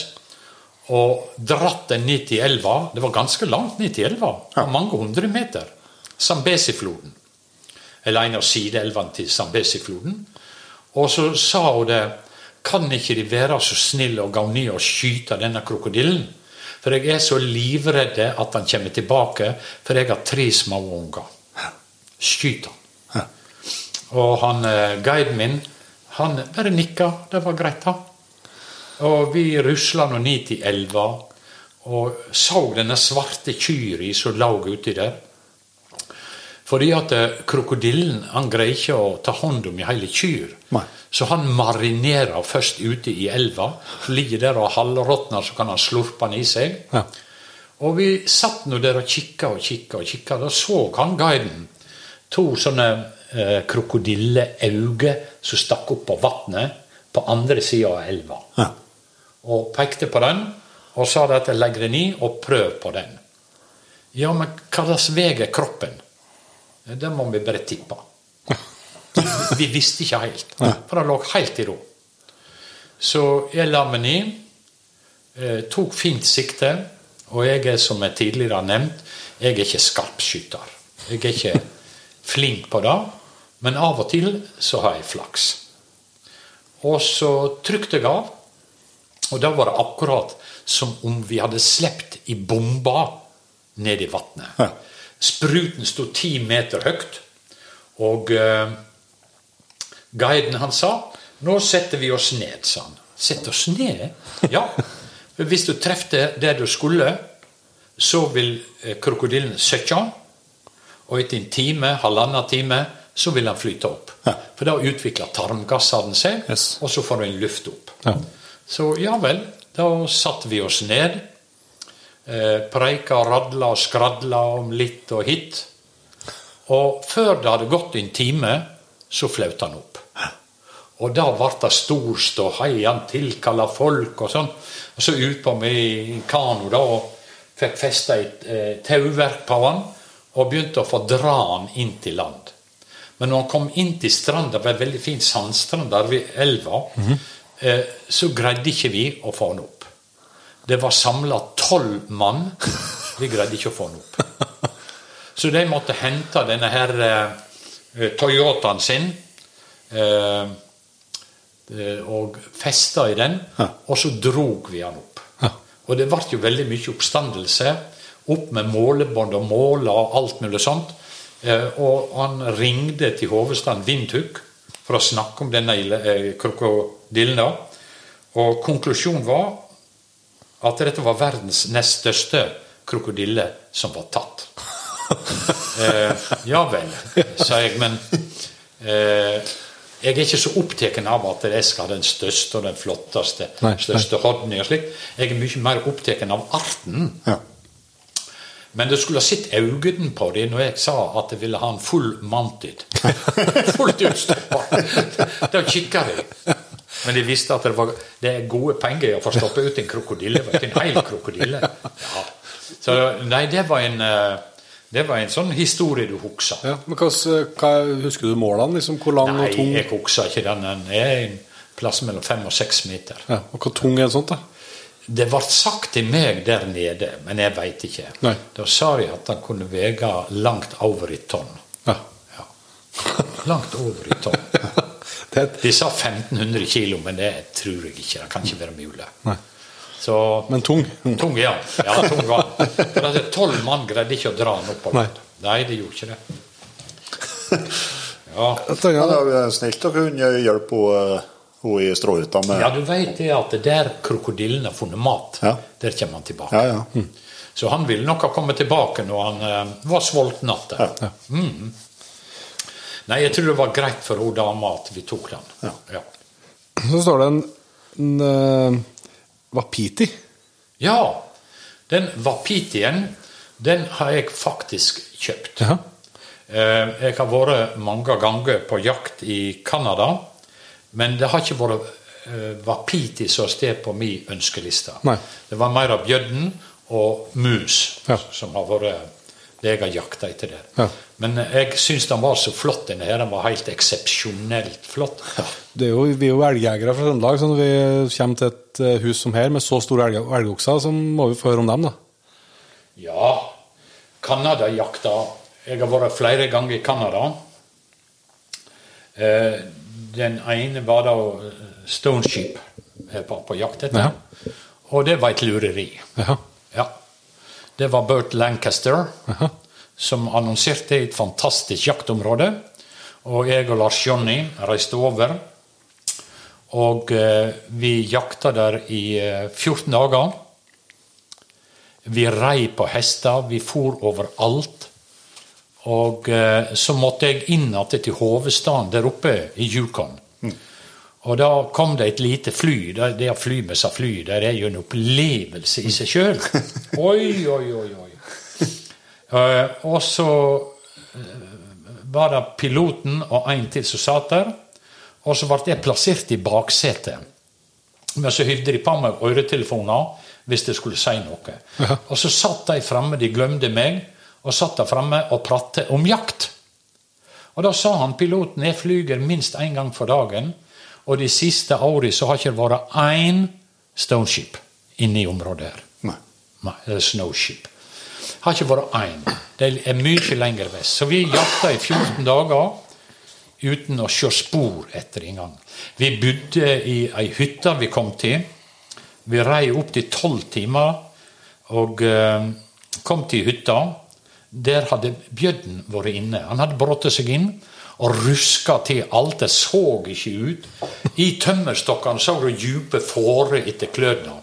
Så det er mye kreft i en bjørnelam. Det kan jeg love. Og heldigvis så han jaktkameraten min, Lars Jonny, han er dyktig på Han greide å sette sammen igjen den gasskomfyren, og vi hadde med gass, så vi fikk mat. Ja. Ja. Eh, Men vi rei i Det var så vanskelig terreng. Ja. Og enkelte ganger så sa de nå må vi gå av hestene. Og vi leide hestene. Og det var en ti-tolv hester vi hadde med oss. Vi var bare to mann pluss guider og sånt. Ja. Og hestene glemmer ikke vi skulle gå ned i et bratt gjel, som vi kaller det. Eh, og da ville de bakerste hestene de ville fram i køen. Så jeg sto ned under i sånn bergkammer tre meter høy, kanskje. Der kom min hest utfor. Jeg hører enda grevskoa som rusa i berget, ned og klaska ned ved siden av meg, og for videre. Men det var, og så var det mye skog, det var ikke hogge, så beina kunne henge igjen i tett skog. Og noen ganger så ville hestene kaste seg av. Ja. Så det var jo Nei, det, eh, akkurat den jaktopplevelsen som han forsøkte å gi oss, den var mislykka. Men vi innså at uh, her blir ikke det mye mus på oss. Nei. Men så så vi en, uh, bjørn oppe i sida der, og eh, da var det spørsmål hvem skal gå etter den. da. Så det ble det Lars Jonny Jekketan, så han fikk inn bjørnen der oppe. Ja. Det gjorde han. Og jeg fikk inn uh, mus. Ja. Så jeg har vært flere ganger så jeg har skutt uh, to muser. Og én caribou i, uh, i Canada. Ja. Ja. På, på lokkejakt musene? musen? Nei, nei, nei, på ikke lokkejakt. Nei. Kikkert. Vi rei ut, og da så vi på tvers av dalen så så vi en elgokse sto der. Og det er så flott å se, og spesielt når det er sol, så skinner de skovlene. Ja. Så det er så lett å oppdage dem. Ja. Når de står og snur litt på hodet, så ser du dem med en gang. Ja. Og, det, og da er det bare til å gå av hesten, og så er det begynne å snike seg. Ja. Passe på vindretning, naturligvis, og lure seg innpå. Og jeg må si jeg kvopp skikkelig, for jeg sneik meg gjennom noen buskas. Og så var det ei gran der som skulle gå rundt den grana. Når jeg gikk rundt grana, så sto musen på 15 meter avstand og kikka rett på meg. Og liksom like før han skulle ta ut, så greide jeg å sende av gårde et skudd. Så han ble med til campen. Den er der. Det ble han. Og en annen, da så vi han. Vi var oppe på en liten topp. Da så vi han i det fjerne. Så det er, det er ikke noe lite mus der ute. Det går godt an å få tak i eh, når det er på rett område. Og det var jo veldig spennende å snike seg innpå. Ja. Så De er jo store, da. ja, de er store. De sa til meg at den er 900 kilo, sa de. Om det er korrekt, det vet jeg ikke, men de er kjempesvære. Ja, de er svære. Oh. Nei, så eh, jakt i Canada, det er gode fasiliteter stort sett. Ja. Det er god mat, de det er utrusta godt. Vi eh, eh, Du er ikke utrygg. Nei. Nei, det er ikke du. Men akkurat den gangen var jeg eh, uheldig. Ja. Fordi at det viste seg i etterkant at han som lovte jakten, god jakt, han hadde aldri vært der sjøl. Og det hadde ikke vært noen som hadde jakta der. Det var et område på 400 000 mål, men ikke jakta. Og ingen hadde sjekka det. Han hadde tatt ut kart fra internett. Det var alt. Så du kommer borti slike opplevelser når du reiser rundt om og jakter rundt om i jorda.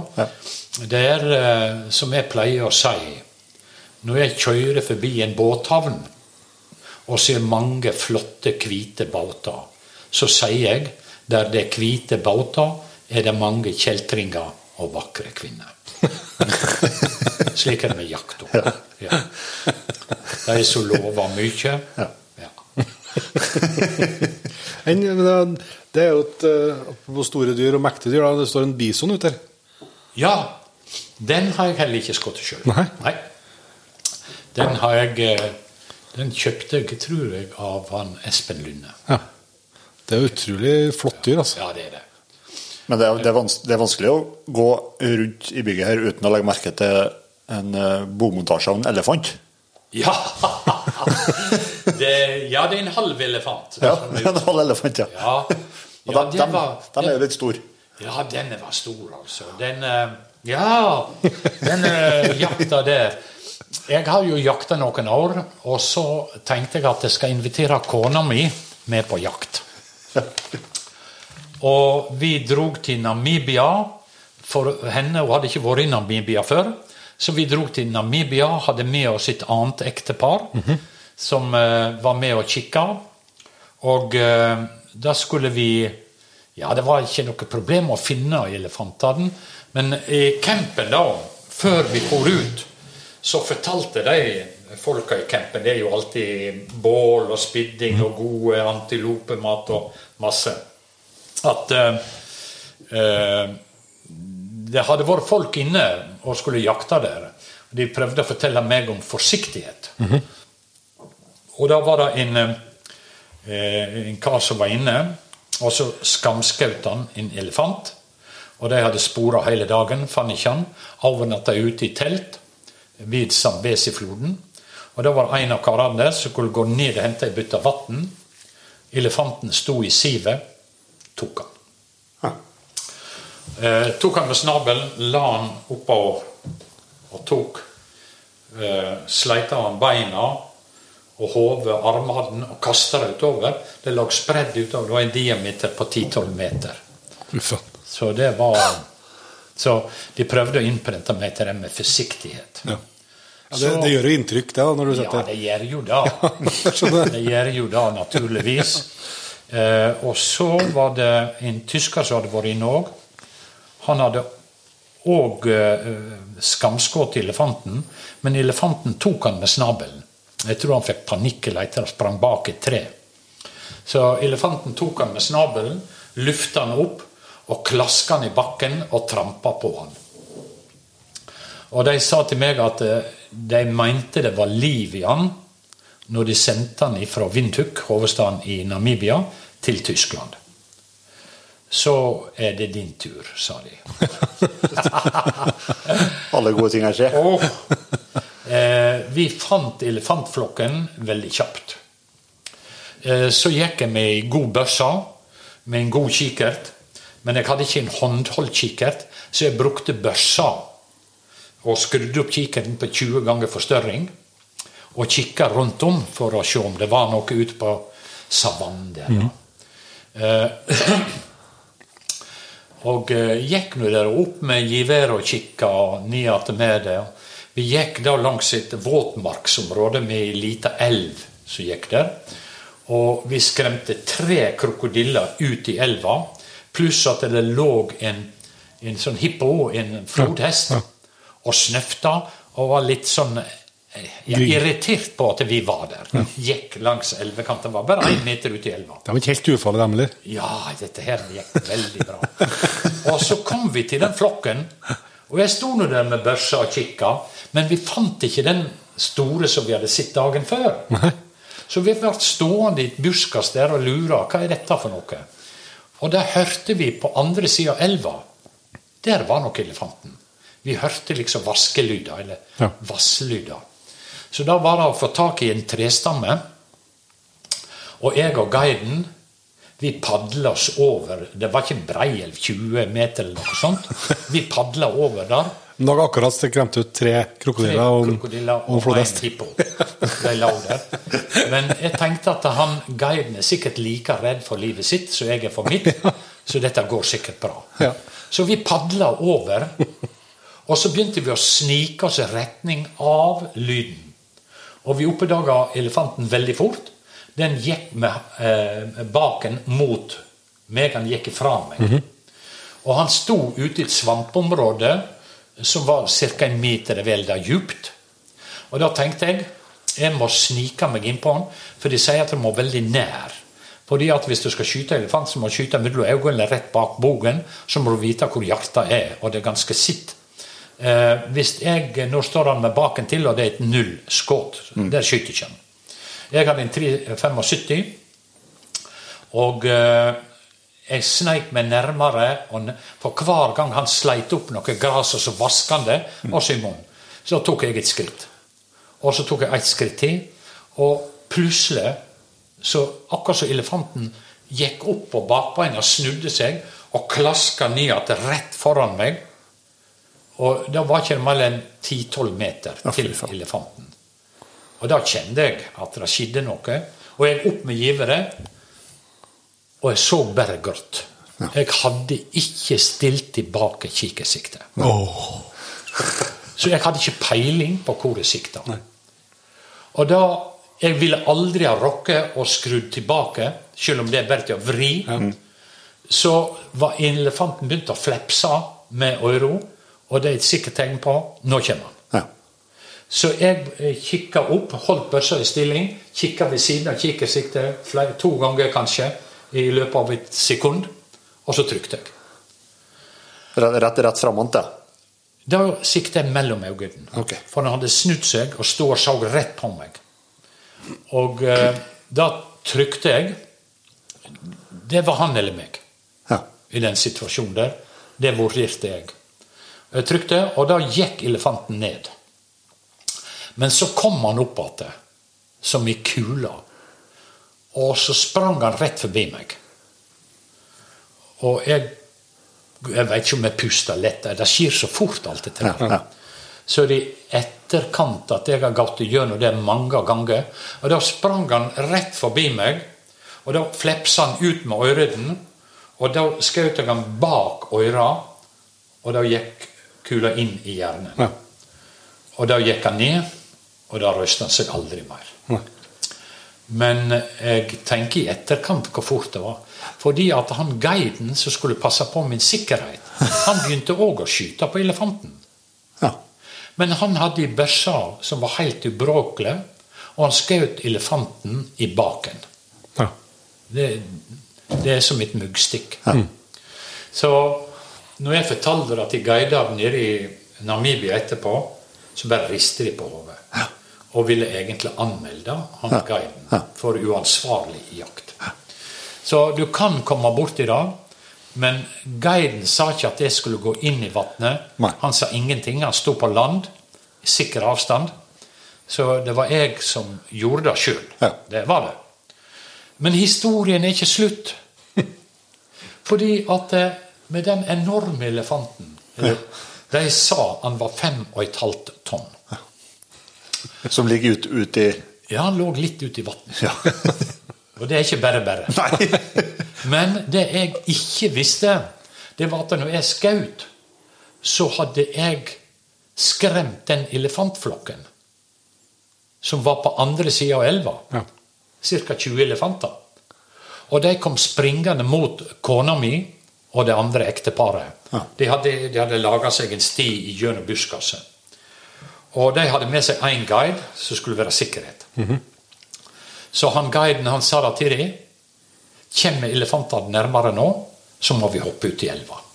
Ja. Ellers dreper de oss. Ja. Og guiden hoppa. Bare hyvde ifra seg givere og hoppa. Kona mi hoppa, det andre ekteparet hoppa. Og så lå de og holdt seg da i liksom mangrovekanten Ja. og pusta opp og ned under vann. Opp og pusta. Dette visste jeg ingenting om. Nei. Jeg ville at de skulle ta bilde av meg der jeg sto oppå elefanten. Og omsider så rusla vi tilbake, og da fikk vi denne historien. Ja. Så jeg veit ikke om kona mi vil være med meg på jakt i framtiden. Men det som forundra meg, og, og, og det kan du se, altså De innfødte, de visste, alle visste at det, det var jakt. Ja. Og det gikk ikke 20 minutter, så var det minst 20 mann på plass med svære macheter. Og slaktinga, og så tok de kjøttet. Jeg skulle bare skinne, jeg, men de tok kjøttet. Du aner ikke hvor fort det gikk. Og bar, veit du, hogg og bar på kjøtt. Og inn i landsbyen. Og jeg og kona mi i telt den natta etterpå. Du skulle hørt trommen bom, bom, bom, bom, bom, bom, hele natta. Enormt med kjøtt. Pluss de fikk alt kjøttet. Pluss masse betaling. Så det var liksom en vinn-vinn-sjanse. Så de innfødte var veldig opptatt av at jeg skulle få. Ja.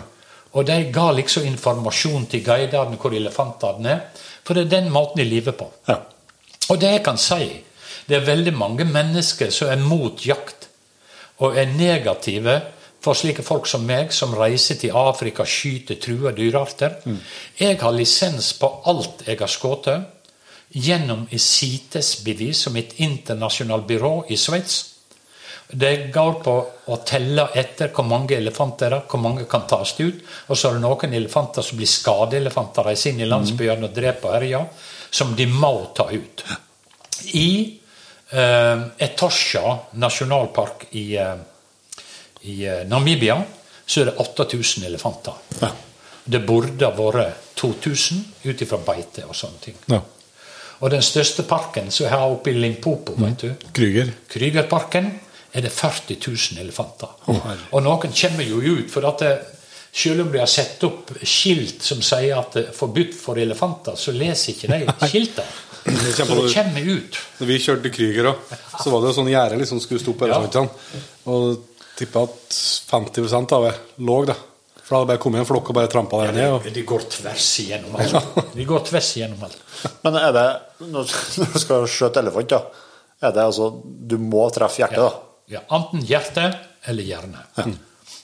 Og hvis du ser på eh, beinstrukturen på en elefant. Så mellom øynene så går det veldig langt inn mot hjernen, en bue inn der. Ja. Og du må treffe innerst i den buen for å komme inn til hjernen, Ja. ellers så går ikke det. Nei. Nei. Ikke med, tre, ikke med 375 heller. Ikke med 375 heller. Jo, ja. du kan komme langt med en 375, og det som jeg hadde gjort, jeg hadde truffet inni den buen, men skrått. Ja. Slik at det fikk ikke full effekt. Nei. Nei. Så eh, jeg lærte veldig mye. Jeg har hørt om mange andre som har gått på elefantjakt, og det var en piece of cake. Det hadde gått veldig enkelt og veldig greit. Ja. Men for meg så var det nå denne opplevelsen. Ja. Og det som jeg sier, mange som er mot jakten og sånn eh, Vitenskapelige artikler som går på undersøker undersøke hvor eh, stor del av viltet blir tatt ut av jegere. Eh, og veit du hvor mye det er? 0,5% av tilveksten av dyr i Sør-Afrika blir tatt ut av jegere. Betalte jegere. Betalte jegere, slik som meg og deg. Ja. Mens eh, krypskytingen, og spesielt på nesehorden, den er stor. Og det er hvem som helst som driver med dette. da. Derfor har Sør-Afrika også det enormt strenge straffer for krypskyting, og spesielt nesehorden. Og for tre år siden, før pandemien, da fulgte jeg med på det, da ble det skutt 1260 nesehorn i Sør-Afrika som eh, krypskyttere hadde tatt. Ja.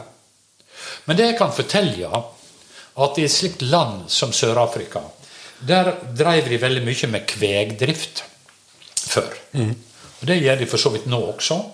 Og deres største fiende det var løve, leoparder og geparder. Ja. Og hyener. Eh, slik at de som drev som bønder der nede, husdyrholdere, de skjøt alle løvene de kom over, og gravde de ned. Ja. Leopardene det samme. De gikk på jakt og fjerna de. De måtte gjøre det. Fordi at løvene ville ha mat. Ja. Klart de ville ha det. Og det vi ser, det er at området der ville løver kan gå fritt og jakte på ville antiloper, det er begrensa. Ja. Så de gjorde de noe i Sør-Afrika som var helt fantastisk. De omdefinerte faktisk løva fra å være den største fiende til å bli den beste venn. Og veit du hvordan de gjorde det? Jo, i stedet for å reise ut og drepe løver, så laga de jaktfarmer. De setter opp store gjerder rundt eiendommen sin. Og en normal eh, afrikansk jaktfarm er på 7000 mål. Laga de høye gjerdinger, så hadde de all slags dyr inne der. Som levde sitt eget liv som om de var ville. Og så utlyste de jakt over hele jorda. Og det ble en kjempesuksess. Og det medførte at i dag er det 70 000 jaktfarmer i Sør-Afrika. Og det som er viktig Nå tar de løva inn og steller med veterinærer. Fordi at det nå eh, kommer jegere skyter løver. Får de massevis av penger for det. Mye mer enn de ville fått for kveg og kjøttet. Som de for øvrig sendte til Norge. Sammenlignet som Namibia. De gjorde det samme. Og det betyr at det enkelte dyrearter som var veldig trua Dette her som heter mountain zebra, fjellsebra. Der var det bare 200 stykk. I dag er det 200 000. Fordi at bøndene tok det inn, avler det opp og har det. Du har alle typer dyr nå i Sør-Afrika. Det er ikke ett vilt dyr igjen i Sør-Afrika. Alle er i en innhegning. Enorm innhegning. Noen er på 7000, noen er på det doble. Så du kjører liksom i dagevis for å komme over. Men dyra lever som et vilt dyr. Og finne sine antiloper og sånne ting. At rovdyra overlever. Dette er eh, I tillegg så skaper det minst 10 milliarder i innkomst til eh, jegerne. Nei, til bøndene. I tillegg alle de befolkningsgrupper, og ikke minst zuluer som lever der nede, de har sine jaktrettigheter. De selger en eh, elefantkvote til meg på én elefant. Da For det første så får de masse penger og masse kjøtt. Og eh, vi blir skjelt ut når vi kommer hjem. Ja. Ja. Men vi, den største dyrebeskytteren i Sør-Afrika er faktisk de utenlandske jegerne. Fordi at bøndene skylder i stedet for å ta vare på kveget, så tar de vare på villdyra. Det er den beste inntektskilden deres. Og da kan du si eh, at og, og dette er ikke ord som jeg finner på å si. Dette er veldokumenterte data som hvem som helst kan gå inn og se. Ja, til og med FN har vel uttalt seg ganske eh, tydelig i den saken her, altså med det samme, med Ja. det samme funnet i sin Ja. forskning. da. Ja, det er det. Så du kan si det sånn at eh, når jeg blir møtt av folk som skjeller meg ut fordi at jeg går på jakt i Afrika, så er det vankunne som er grunnlaget. De veit ikke hva de snakker om. Nei. Nei, det gjør ikke de. Så du, jeg har vært litt spent nå, jeg har ikke fått oppdatert meg. Hva gjorde pandemien med jaktfarmene? For det var mange av disse jaktfarmene som er avheng, helt avhengige av det. Og det har vært veldig bra tilgang. Eh, Det var veldig mye russere som gikk på jakt inni det. Nyrike russere som hadde råd til alt. Ja. Det var en frustrasjon for guidene. For de skulle ha helikopter når de hadde skutt, og så skulle de ha helikopter til neste, så videre. Men det er den historien. Jeg har sjøl vært jeg tror det er bortimot 25 ganger i Sør-Afrika. 12-15 ganger i Namibia. Og litt i andre land der nede. Men eh, eh, jeg eh, har ikke dårlig samvittighet for det jeg har gjort. Nei. Nei, jeg har ikke det. Nei. Nei. Så selv om jeg har mange dyr utstoppa her, eh, og du kan si at jeg håper òg at det kan være til glede for andre, ikke bare meg, for da hadde det vært egoisme. Ja. Men hvis de kan glede andre folk jeg ser jeg har barnehager på I dag hadde jeg en barnehage på besøk. Jeg har skoleklasser på besøk. Han går rundt. Altså en visualisering av dyr som de gjerne bare lest om i Jungelboka. Her kan de få se og titte på dyra. Og få en opplevelse av hvor stor er en løve, hvor stor, høy er en sjiraff. Ja. Nå er ikke en full sjiraff, men ja, ja. bogmontasjer er ganske store likevel. Ja, de. Det er de. nei, det, nei, jeg må si at uh, det har vært en, uh, en voldsom reise. Ja. Men hvis du tar, Dalen og løver ute, da? Dem har du skutt sjøl, eller? Ja, ja. Ja. Ja, det var i Kalahari-ørkenen. Eller jeg skjøt ei løve i uh, Limpopo i Sør-Afrika. Og den andre var i Kalahari-ørkenen. Og det var en Det var jeg og en kamerat da, som drog til en jaktfarm der nede i Kalahari-ørkenen. En veldig fin jaktfarm. Eh, og så var det til å dra ut og leite og leite. Og nå har jeg fortalt dere at eh, det er på 7000 mål, eller 14 000 mål, eller 20 000 mål, eller hvor mye det er. Det er ikke lett å finne det. Du jakter, og jeg eh, eh, jakta rundt om der. Kjørte til du finner ferske løvespor, og så begynner du å spore. Men du vet aldri hvor løva er, hvor hun ligger. Nei. Og en gang jeg var der, da var jeg og en kamerat, da skulle jeg videofilme igjen. og vi gikk, og han gikk, og plutselig oppdaga han i løva som lå bak en sandunge sju meter ifra seg. Ja. Og så skjøt han, hadde kikkersikte, kula gikk i sandungen. Og løva forsvant. Heldigvis. så ble jeg postert ute på et område. Der skulle jeg stå og videofilme og se til om løven kom. Uten børse. Det var litt av en opplevelse. Eh, jeg hadde ikke gjort det i dag. Nei, for å si det sånn. nei. Nei, det hadde jeg ikke. Men eh, når jeg jakta der ute, så gikk vi nå på denne savannen. Vi for nå der og luska og kikka og litt forsiktige Ja. og tørste. Det blir så tørst. Det er så tørt, veit du. Og så varmt. Og så hørte vi et løvebrøl. Og hvis du noensinne har hørt i hannløva brøle, så glemmer du det aldri. Nei. Du glemmer ikke det, altså. Det går ikke an. Jeg hørte om natta, så hørte jeg løvebrøl. Og folk vil gjerne tro at jeg overdriver, men det rister i senga. En djup, nærmest basstone som gikk gjennom lufta. Sånn ur, urlyd. Det er urlyden av en annen verden, altså. Og jeg hørte det, og jeg gikk ut. Jeg tok med meg giver og gikk ut. Det var stummørkt og gikk et par hundre meter ut. Og tykte det var skummelt nok. Jeg hørte på det. Og så gikk vi tilbake dagen etterpå. Inn, da visste jeg her er løve. Så da gikk vi ut, og vi gikk eh, Da var det faktisk mange guider med. Ja. Tre-fire stykker som hadde våpen med seg Ja. for å sikre. Og eh, etter noen timer vandring så kom i svær hannløve. Jeg så den kom igjennom Det var et gult gras og litt sånn, og busher, så det er ikke alltid så lett å se det. Du kan bli overraska.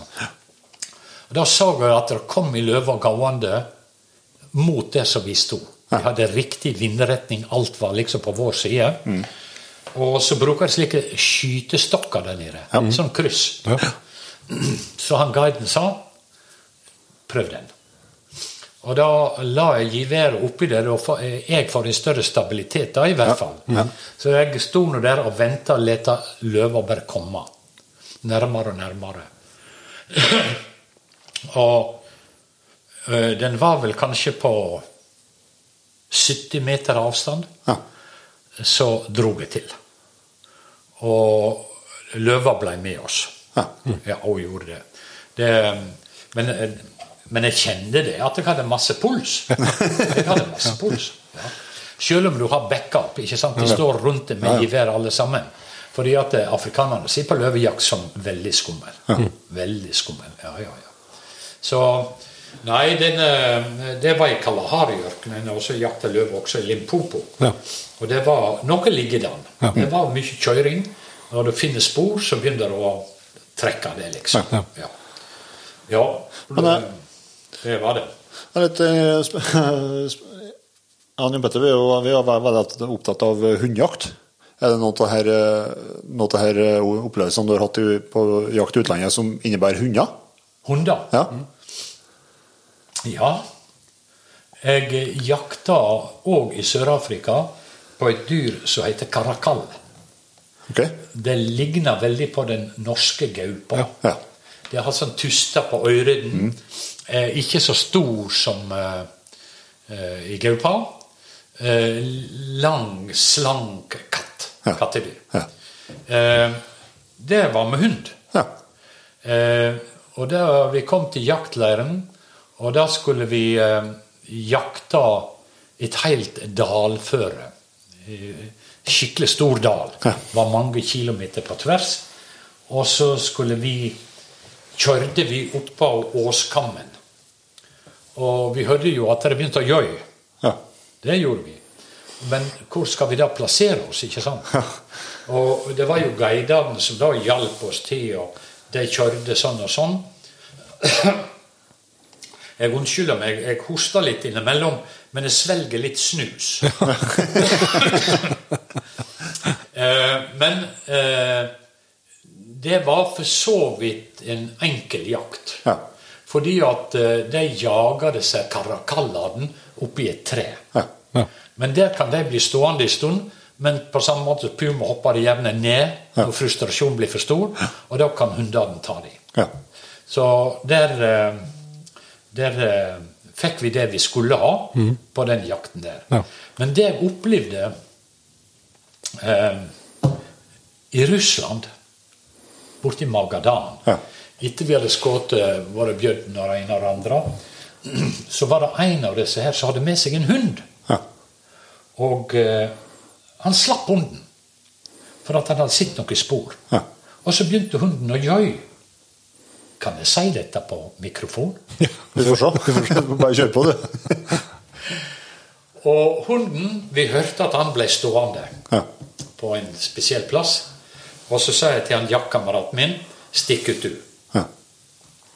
Og de for etter hundene og fant og skjøt. Og vet du hva det var? Nei. Sobel. Sobel. Sobel, ja. Det er jo et av de mest ettertrakta pelsdyra du kan finne. Det er en sånn nærmest som en uh, mårkatt. Ja. Veldig fin pels. Ja. Det er konger, dronninger og keisere. De brukte det til liksom på skuldrene rundt det som Sobel-beslag. Ja. Det, eh, Sobel har vært freda i 40 år i Russland. Og nå sier de med stor tilfredshet vi skjøt en. Men på den andre sida så er det åpna for sobeljakt nå. Det er det. Men eh, det, det, du har skutt i puma òg? Nei, Nei? Den, eh, jeg har skutt puma, ja. Ja, Ja, ja, ja. Jeg skal fortelle om det. Og det var kjeltringstreka. Ja, det var det. Jeg eh, bestilte pumajakt i, eh, i Argentina. Okay. Så jeg tok med familien. Kona mi hun ble med, men hun skulle ikke på jakt. Og vi reiste på sightseeing. Fantastisk, vet du. Og mens jeg da for ut på jakt, så dansa hun tango i Bocca, der han eh, Diego Maradona kom ifra. Ja da, jeg hadde det veldig bra ute på Pampasen. Rei på hester. Vi var oppe i Guazu, den største fossefallet. Det var jo helt fantastisk. Vi for oppover til eh, Andersfjella. Smakte på vin. Mendoza heter det. Var oppe og kikka på Anconcagua, er høyeste fjellet på den sørlige jordhalvkule. Vi eh, var på grensa til Chile. Og så starta jakten. Og eh, vi eh, flaug og kom til en jaktfarm. En stor jaktfarm. Og ble tatt herskapelig imot. Det var veldig bra alt. Men jeg hadde en mistanke. Det var noen tomme dyrebur der, så jeg lurte litt på det. Men, men. Han eh, ansa ikke det så mye. God mat og god drikke. Og ut på bøffeljakt. Ja. Den, den argentinske bøffelen. eh, Det er egentlig godmodig dyr. Du kan ikke sammenligne det med bøffelen i Afrika, som aggressivt veldig. Nei. Eh, jeg fikk en bøffel. Det gikk veldig greit. Og så var vi ute om kveldene og jakta. Da trefte jeg på ei apikshjort, eller sånn, litt spesiell med sånn prikker på. Ligner et rådyr. Eller dådyr med sånn hvite prikker. Så jeg fikk med den. Den henger her.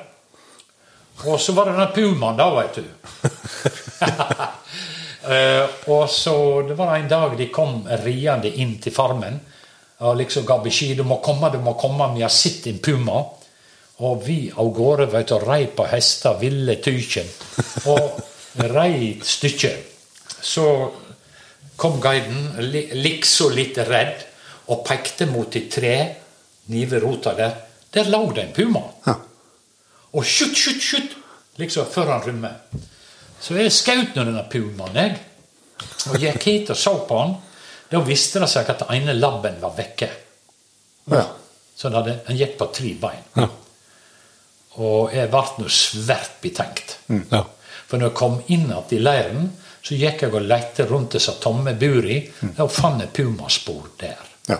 Dette var en puma som de hadde tatt i fella. Yep. De hadde hatt den i fangenskap og venta at det skulle komme en jeger som ville skyte puma. Og så doper de dyret ned og legger det ved et tre og roper 'skyt, skyt, skyt', skyt! Liksom før dyret rømmer. Ja.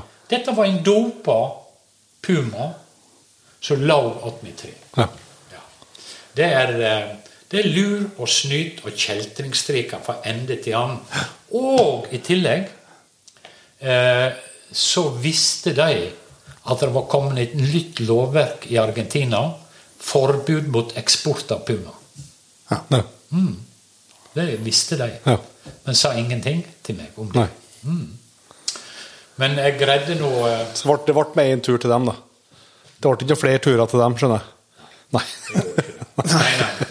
Men forteller åpent det er fordi at andre jegere skal òg vite at eh, det finnes kjeltringer der ute som forsøker å lure deg, og de gjør det med eh, Den største selvfølgelighet. Ja, de gjør det, altså. Ja. Du fikk jo høre om bøffelen fra, fra Argentina, men du, du har en bøffel fra Sør-Afrika? ja da. Ja. Eh, Den bøffelen den tok jeg med meg på samme turen som jeg jakta elefant. ja. Det var en ganske bra tur der. Ja, det ble det, altså. Det var eh, Det var det. Eh, Det var Det er noe sånn som jakt i Afrika er. Du kjører rundt om inntil du ser noe som gjør det verdt å gå av bilen. Og det var tilfellet denne gangen òg. Så jeg gikk av bilen, og jeg og guiden vi sneik oss inn på bøffelen. Det var fire bøfler som sto og drakk ved dette vannhullet der. Ja. Eh, og så var det masse bøfler lenger vekke. Så jeg eh, kraup på magen i gresset der for å komme nær nok. Ja. ja, for du må ganske nær. Ja, det er greiest å være nær. Ja. Det er det. Eh, så vi kraup i gresset, og jeg tykte det tok uendelig mye tid. Du vet, får du sånn støv oppi nesen, og så får du strå i øynene. så du ligger nå der og kryper, og, og masse puls. Masse puls, det kan jeg love deg. For det du ikke veit vet da, det er at hvis jeg skyter på den ene, så kan de andre angripe. Ja. Da kommer de. Og hva gjør man liksom hvis det kommer fire bøfler mot deg, Ja. og du er målet? Eh, Så jeg, eh, jeg tok den som var nærmest meg, og heldigvis så sprang de andre motsatt vei. Ja. Så jeg eh, liksom kom meg unna eh, ved at det, det var ikke noe mer enn det å ta den bøffelen der. Og alt gikk helt etter boka. Ja. Eh, og de andre bøflene, som sagt, så forsvant de. Ja. De springer jo så fort og de kommer mot deg, vet du. Så du, du blir jo livredd. Det Eh, det er jo tanks der òg. Det er jo tanks der òg. Det er tanks. Ja. De kommer vet du, mot deg, så blir du veldig skjelven. Ja. eh, selv om du kjører med en god bil. De bruker veldig mye Landcruiser Ja. som jaktbil der nede. Det var det eneste som holdt. Eh, fordi at eh, når du kjører på savannen, vet du, risting og skaking, så var det bare Landcruiseren til Toyota som holdt. Ja. Eh, så ja, det var det. Nei, det var veldig flott. Men jeg var ikke helt ferdig med elefanten, jeg. Nei, men skal vi fortsette med den? det var eh, munn- og klovsyke.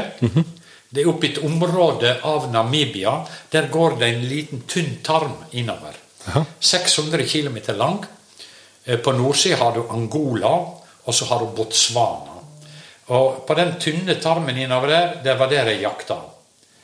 Og, men det var munn- og klovsyke.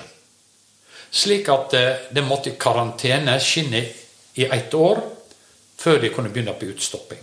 Ja. Så var det utstoppingen, og den gikk nå visst eh, relativt greit.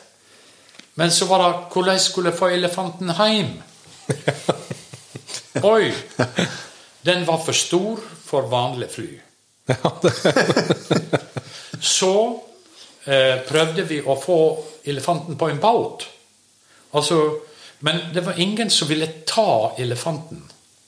Fordi at de var redde for sjøsprøyt eller et eller annet som kunne skade ham. Ja. Og dette her med forsikring og sånne ting. da. Og så var det en annen ting. Det at eh, de grønne de truer med å boikotte alle som frakter truede dyrearter. Ja. Så det var noen som ikke ville av det òg. ja. Og det tok fryktelig lang tid. Til slutt så reiste jeg til Namibia for å sule opp dette. Jeg fant elefanten. Han sto innerst på et lager, innpakka. Og så fikk jeg en sånn eh, kar der da, til å ta affære. Sånn transportselskap. Så de kjørte de elefanten til Johannesburg i Sør-Afrika. Og da hadde jeg leid et fly som skulle fly elefanten fra Johannesburg til Oslo. Ja. Og i Oslo, hvordan skulle vi få han hjem?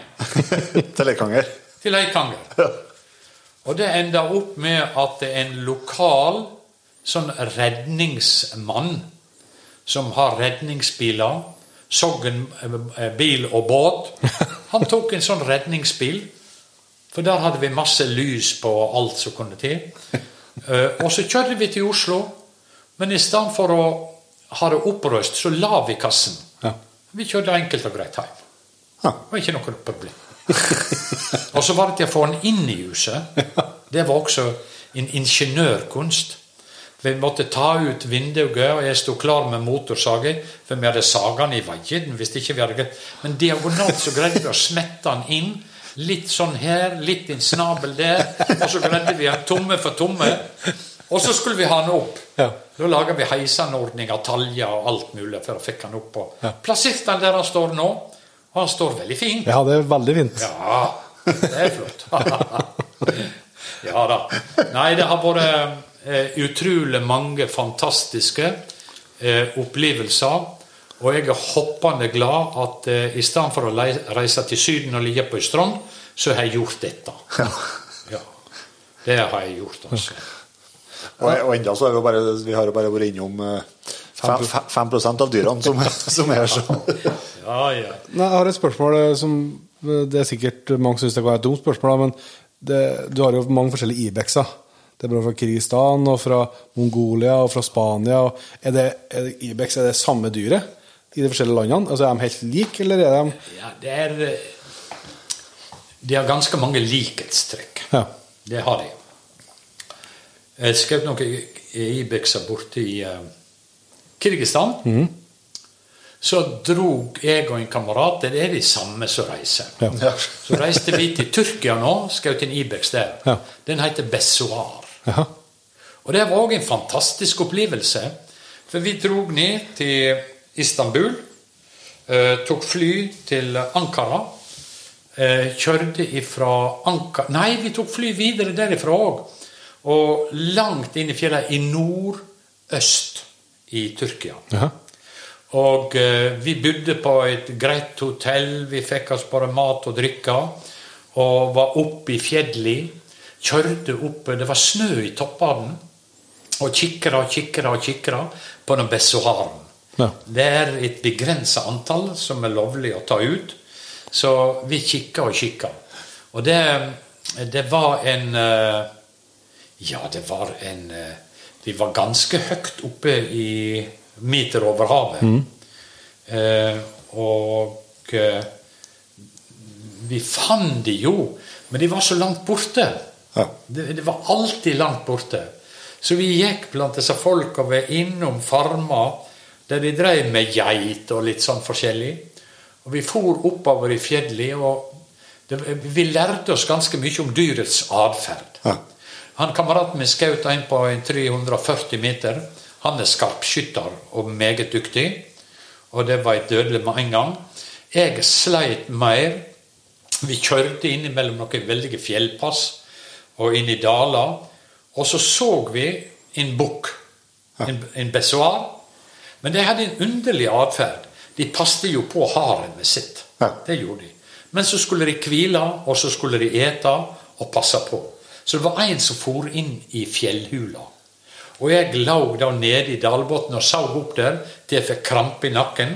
Så kom han ut med jevne mellomrom for å passe på haremet sitt. Ja. For Hvis ikke han passa på, så var det nye som var på pletten ganske kjapt. Ja. Og så gikk han ut. Så gikk han på ei fjellhylle, og så prøvde jeg meg. Og jeg bomma på besvaren, men jeg trefte fjellet bak. Og det slo ut i hedla og traff besvaren. Ja. Så han ble skada. Og jeg liker ikke å skade dyr. Jeg liker best en sånn rett avskyting, at du tar dem med en gang. Ja. Men så gikk han litt videre. Og uh, der fikk vi da avlive han. Nå har det gått et stykke til. Så avliver vi han da. Og da datt han ut for fjellet nedover og nedover og nedover fjellsida der. Og det var eh, veldig ulendt terreng Besvaren går. Ja. Og det er kanskje naturlig, fordi at eh, det er ikke alle rovdyr eller fiender av Besoaren som kan gå i det området der. Nei. Men det som var så fortvilende for oss, når kameraten hadde skutt, så fantes det en vei å kjøre rundt. I stedet for å klatre rett opp fjellet, så kunne vi kjøre rundt og kjøre nesten helt opp til der som Besoaren lå. Ja. Det samme var det i Spania. Der jakta jeg eh, besoar, eller sånn ibex. da. I Spania er det fire forskjellige typer ibexer. Og vi jakta, samme folka, var nede der. Rett nord for Benidorm. Den er turistplassen. Ja. En times kjøring inn i fjellene. Der, eh, det var et dansk jaktselskap som hadde det. Der eh, lå vi på en jaktfarm og eh, jakta besoar. Og jeg eh, opplevde da å gå blant vindmøller og et atomkraftverk. Samlokalisert. Samlokalisert. Nesten. Ja. Jeg gikk, altså, når jeg gikk opp på fjellkantene, så så jeg ned på atomkraftverket. Og så sto det da vindmøller på jevne plasser rundt om. Ja. Eh, og der eh, jakta vi. Og det var jo en veldig spennende jakt. Ja. Eh, jeg så de Det hadde vært inne to japanere før vi kom. De hadde jakta ei hel uke og hadde ikke fått noe. Nei. Og så var vi da grenseløst heldige når vi kom inn. Så var han kameraten min han så en som drev og klatra opp i fjellsida. De, de går jo rett opp fjellsidene, sier. Ja. Og han tok ned den, og det var greit. Eh, og de andre, de fikk sine, og så var det meg igjen. Så kjørte jeg forbi det atomkraftverket og vindmøllene, og så tenkte jeg jeg skulle stoppe og kikke. Det er jo ofte slik man gjør det på jakt. Stoppe og kikke. Og der sto det 100 meter ifra meg. Og jeg inviterte han med gratisbillett i Norge, og han slo til. Ja, ja, ja. ja. Det gikk så fint at det. Han ble med til Norge. Der, eh, så var jeg en tur nede i Transylvania, Aha. i Romania. For da var jeg på jakt etter ulv. Ja. Ja, så vi drog. Eh, Vi er fire kamerater som pleier å dra opp. Eh, Ulv. og vi lå ute. Vi skulle være så stille. Så gikk vi opp i noen jaktkøyer der, da. Vi lå der. Og da fikk jeg beskjed at her skal vi sitte til ulven kommer. Og vi fikk ikke lov å gå ut og gjøre fra oss. Vi måtte gjøre det i gangen. Så vi måtte bare pisse ut i gangen. Ja. og litt sånt da. Og så når jeg kikka ut gjennom vinduene så jeg skulle skyte, da, da lå det en død hest der. Ja. De hadde skutt en hest for å lage åte til ulven. Og jeg satt, og den ene sovna, den andre sovna. Prøvde å sove litt på uh, skifta. Etter to døgn så er det helt utslitt. Det er tung tålmodighetsprøve. Det, det er tung jakt. Det eneste som kan sammenlignes med denne jakten, det er leopardjakt. Der sitter du òg. Hver natt fra klokka fire til det er lyst. Og slik satt jeg i eh, Romania, oppe i et område som heter Transylvania. Til slutt så bare ga vi opp. Ja. Ja. Og da kjørte vi et lite stykke. Da kom vi til en by der eh, Du har hørt om Dracula? Ja, ja. Dracula er ingen reell person. Men historien om Dracula er bygd på en legende om en greve som heter Vlad Tepes. Og utfor der så skjøt jeg dette villsvinet som jeg har hengt opp over baren. Ja, ja. ja, det, der kommer det ifra. Men det ble ingen ulv på meg. Nei. Men på eh, jakta mi borte i Canada så så vi mange ulver. Ja. ja. ja. Det var oppe i toppene der så sto hjernen gjerne i, i dalbunnen og ulte, du. Og litt sånn. Så da kunne man skyte. Ja.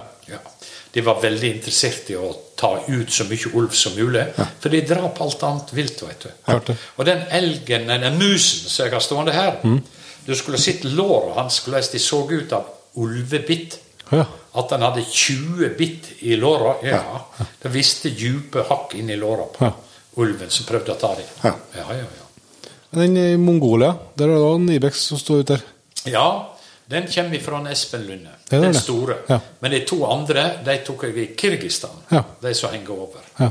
Hvordan det, det Ibex-jakt i Kirgistan? Du kan jo bli høydesyke da, eller? Eh, ja, vi var ganske høyt, men jeg merka ikke noe. Jeg hadde ikke med meg noe. Nei. Men det var at vi fløy til, eh, til hovedstaden, og så begynner vi å kjøre. Ja. Enorm kjøring innover, og det er rett mot Kina. Ja. Og eh, så lå vi eh, først i ei hytte, jakthytte. Og så for vi enda lenger inn i fjellet. Der bodde vi i telt. Og det var litt kaldt, altså, det kan jeg si. Men eh, vi hogg noe hull i isen og fikk oss vann og litt sånt. Og så var det til å ri og jakte og speide. Og det er jo så underlig med disse her ibeksene. Ja. Når du ser dem, så er de alltid oppe på toppen av et fjell. Så gjør du slik som vi tror er rett. Passer på vinden, går på baksida. Så klatrer vi opp fjellet. Men når du kommer opp på kanten, da er flokken nede i dalen. Der du nettopp har vært. Ja. Og så prøver du igjen, og så igjen og igjen. Og du må Mens jeg satt oppe i toppen der, så snudde meg og så innover dalen. Da så jeg en flokk på 50, kanskje det var 100 Marco Poloer. Oh. Ja. Men det hadde ikke jeg noe lisens på, så de måtte bare få springe. Men jeg jakta slik som dette der. For på et eller annet tidspunkt så måtte vi lykkes. Og så var det en av disse her eh, guidene som fant ut at eh, vi skal ri rundt, bli sittende her oppe på toppen. Eh, for da hadde vi riet med hester opp på toppen. Og det var ikke mer 50 cm, og så er det mange hundre meter ned på hver side. Du blir jo livredd. Jeg er ikke noen rytter. Nei, nei, nei. Så jeg foretrekte egentlig å slippe hesten og gå på beina. For detter du utfor hesten sklir, så får du den, den over deg, og det er ikke noe det er ikke noe helseskapende. Nei da, så jeg ble sittende atter oppe på toppen. Gikk litt ned, slik at ikke kunne se meg i horisonten, skarelyset. Og så rei de andre ned, og så låsa de ut flokken med ibekser.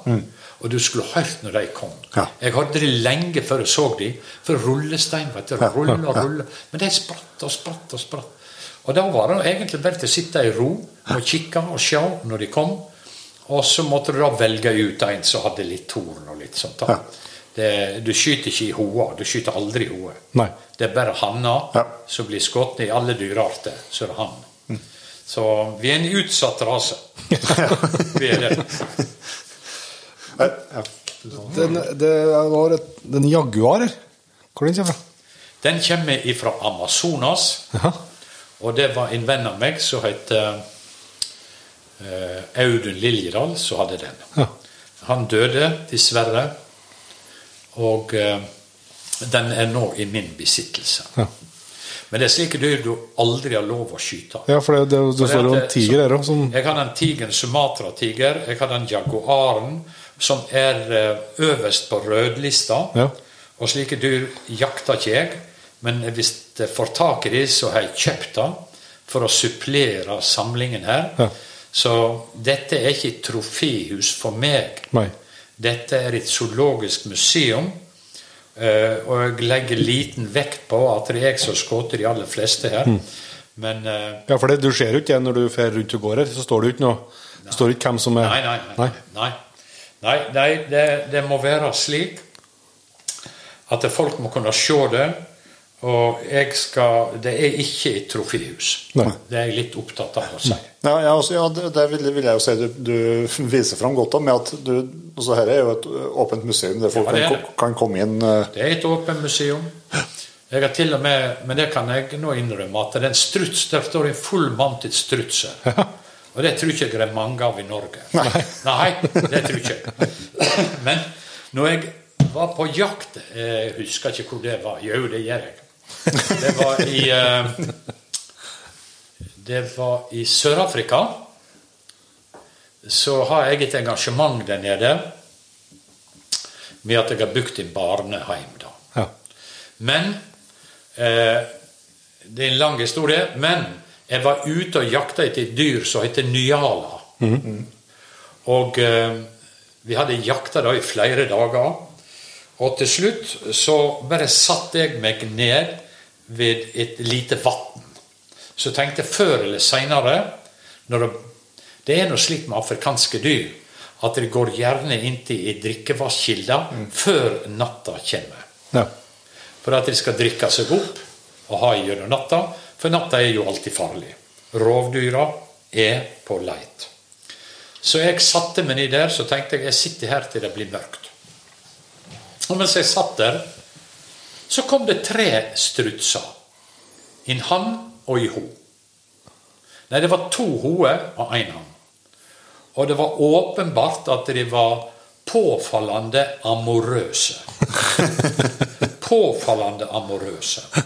Så han, han visste ikke hva han skulle gjøre. Han sprang mellom den ene og den andre og fram og tilbake og rundt om. Og til slutt så la den ene hoa seg ned, og det er et eh, klarsignal for han. Mm. Så han, da tenkte jeg dette skal du få lov til å oppleve før jeg gjør noe. Ja. Eh, Så når han var ferdig og hadde spredd sine gener, da røyste han seg opp og begynte å virre med hodet. Hvor er den andre? Og det var det siste han gjorde. Ja. Så jeg tenkte da at denne hannen den vil jeg ta med meg til Norge. Det kan være artig for ungene. De kan gå, gå nesten under. ja. De kan bli svære. De ser over to meter høye. vet du. Ja. Så Nei, det var historien bak å ta med seg en struts. Du snakker om et, eh, en lykkelig ende på livet. Ja, du tenk deg. For en avslutning. Men jeg syns det var litt artig men når samene var ferdige med den ene, så han opp og virra med hodet. Hvor er den andre? Hvor, hvor, hvor? Ja, riktig.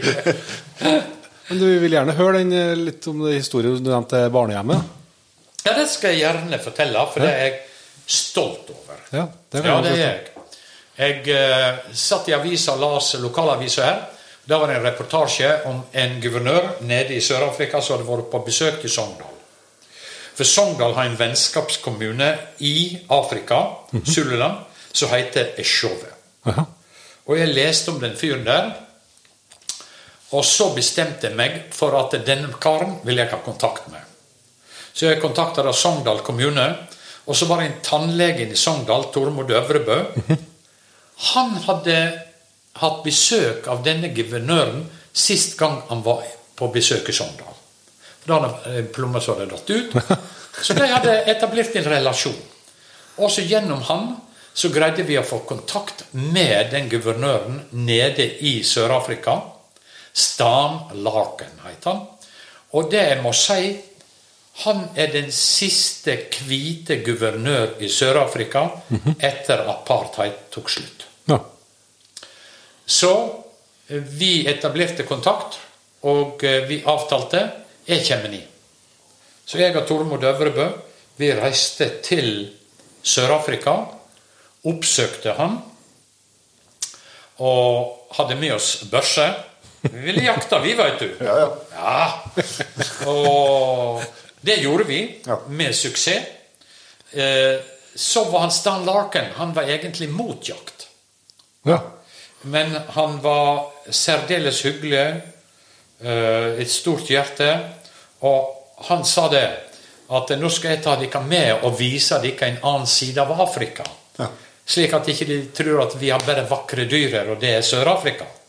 Så han kjørte oss rundt om i eh, fattigkvarterene, ut på landsbygda, så barn, så gikk det skitne, sultne og foreldreløse. ja. Fordi foreldra hadde dødd i hiv og kriminalitet. Ja. Så disse ungene de bodde gjerne hjå en onkel, tante eller en bestemor eller et eller annet sånt. Og det var på mange måter hjerteskjærende. Ja. Så jeg tenkte med meg sjøl at hvis du Per Steinar kan gå og skyte løve, så kan du kanskje hjelpe noen barn også. Så jeg drog hjem og spurte døtrene mine om jeg skulle betale studielånet deres, eller om jeg skulle bygge en barnehage hjem til foreldreløse barn. Og begge døtrene mine sa 'bygg'. Og da satte jeg i gang og bygde en sånn barnehageheim. Men når jeg sier barnehageheim, så betyr det at de er der på dagtid. Jeg har seks-åtte ansatte, barnepedagoger pluss en kokk som lager mat til dem og steller med dem. Men om natta så reiser de hjem og sover hos noen andre. Ja. Det begynte med i 2006. var det huset ferdig, innviet da. Og folk her visste ikke om at jeg dreiv med dette der. Nei. Nei, de gjorde ikke det. Og veit du hvor mye det koster å holde liv i ett barn når ikke pengene forsvinner i administrasjon? Det koster meg tre kroner per dag Ja. å holde liv i et barn. Og da betaler jeg lønn til de tilsatte, og ungene får nok mineraler, proteiner og vitaminer som sikrer hjernen utviklingen. Og jeg drev med dette der i to-tre år. Eh, Det ble jo mye kroner. sant? Eh, 100 unger, tre kroner dagen, 300 kroner. Så jeg sender rundt 20 000 i måneden. Ja. Og det eh, laga jeg et system på at det var ingen kroner som skulle brukes til administrasjon i Norge. Samtlige kroner som jeg får inn, skal gå til Barnehjelp Afrika der nede. Og da fikk jeg kona til sognepresten der nede til å stå ansvarlig, pluss guvernøren sin regnskapsfører tok seg av regnskapet, dokumentasjon på hvor alle pengene var brukt, og jeg hadde en sekretær her som uh, uten lønn gjorde alle transaksjoner Ja. til Afrika. Så jeg gir for øvrig aldri til sånne hjelpeorganisasjoner. Nei. Jeg gir ikke. For jeg vet at det forsvinner i administrasjon. Så det gjør ikke jeg. Nei. Eh, Leger uten grenser har jeg hjulpet en del, men ellers så gir jeg ikke til noen andre. Verken Redd Barna eller noe gir jeg. Eh, de administrerer vekk alt. Og det er hotellopphold og dyre viner og alt. Nei, det er jeg ikke med på. Jeg har latt alle pengene Og så skal du høre Jeg hadde en del folk tilsatte hjå meg. Når de fikk høre om det, så bidro de med en hundrelapp i måneden. Da holder du liv i et barn. Ja. Det gjør det. Tre kroner dagen, da holder du liv i dem. Så jeg har drevet med dette der. Eh, og til slutt så ble det ikke det jeg som betalte så mye, men når jeg hadde mange ansatte som betalte dem, som jeg greide å finansiere det på den måten. Og nå, og det er jeg stolt over, Ja. nå har den af- sørafrikanske regjeringen overtatt det, og nå er det i statlig regi og finansiering. Ja. Og det betyr at kvaliteten måtte være veldig høy, for ellers ville ikke de ha den. Nei. Både kunnskapsnivå av de ansatte osv. Ja. Og dette er jo barn som ikke har bitt om sitt skjebne. De er offer. Yep. Og når vi har vært nede der Og jeg kan godt fortelle en historie. Og det var Jeg og hun, dattera mi var nede. Og da gikk vi der i den barnehageheimen. Da så vi en gutt som hadde litt spesielt utseende. Så ropte på dattera mi, som da er lege. Eh, Og så spurte jeg henne ser du det samme som meg. Ja, sa hun. Ja. Og vi tok affære med en gang og fikk eh, den gutten på sykehuset i Durban operert. Da hadde han det som kalles for hydrocefalus, altså en sånn vannhodekomplikasjon Ja. med at væskebalansen hoper seg opp og stenges i hjernen, og de dør hvis de ikke blir operert. Han ble operert og sparka fotball. Ja. Jeg syns at uh, den handlingen der er god. Uh, hva veit du hva? Seinere så hadde jeg med meg en personalgruppe ned til Sør-Afrika. Og da kom denne gutten. Og så setter han seg opp av fanget til ei av de jentene som jeg hadde med meg. Bodil Strand heter hun. Ok. Hun kommer fra Leikanger, er lærer her i Leikanger. Og hun, gutten kom hit og satte seg opp på fanget hennes, og så sa han Kan ikke du være mamma min? Jeg har ikke mamma, jeg sa han. Og hva slags mammahjerte greier å stå imot? Så hun på en måte har fjernadoptert han, gjort en fantastisk innsats, bygd hus til han, og betaler hver måned for en god omsorg. Og dette er noe Det er ringvirkninger av jakt. Og ringvirkningene kan være så mange og de underligste kroker. Ja. Men vi skal ikke være blinde for det. Jeg må si at eh, jeg har vært veldig stolt over at jeg hadde Det var ikke min villeste fantasi at jeg skulle drive med slike ting som det her. Nei. Så i 2010-2011 så bygde jeg en til. Ja. Ja. Eh, og vennskapet med guvernøren og kona til eh, soknepresten der nede, de har vært her i Norge ti ganger. Ja. Så vi holder kontakten, og eh, de også er stolte over hva de har fått til. Klart det. Ja. For de har jo vært praktikerne på heimebanen der nede. De Barna de veit ikke hvem jeg er. Nei. Jeg er en underlig rar en, jeg. Så kommer der og stiger. Men uh, det er likevel en tilfredsstillelse for meg å kunne oppleve det. Ja. Ja, det må jeg si. Så jakt, ja. Det er, har vært viktig, veldig viktig i mitt liv. Og vi bruker jo mye kroner på jakt. Jeg fikk jo et spørsmål hvor mye koster en sånn jakt? Men eh, du tør ikke å regne på det. Nei, nei. Du slipper å kjøpe deg jakle, sko og alt utstyr. Gevær og kikersikt og hva er det vi ikke kjøper? Det koster jo litt. Hadde dere en podkast om kostnadene ved jakt? Nei, det, det er jo en fare for at, eh, for at eh, kvinnfolkene hører på. vet du. Ja, men du, veit du hva? Det er veldig mange kvinner nå som tar jegerprøve. Ja, ja. Så de kommer i full fart. Og bra er det. Veldig bra. Det er kjempebra at kvinnene blir med eh, og kan se eh, Fordi at det har funnet sted en voldsom utvikling innenfor jakt, syns jeg. Eh, og dette her med eh, ja, respekten for dyra, for jakten, for sikkerheten. Dette opplæringen som jeg syns er fantastisk bra, viktig. Men jeg ser jeg har vært med de gamle karene på reinsjakt. Det er ikke vittig hva de kunne finne på å gjøre. Mens i dag så er det så strukturert, ryddig. Måten vi jakter på, er utrolig god. Ja. Det, og ikke minst dette her med sikkerheten. Hvor viktig den er blitt. Eh, Og ikke minst jaktetikken. Jaktmoralen. Som jeg har veldig stor sans for, og ønsker ham velkommen.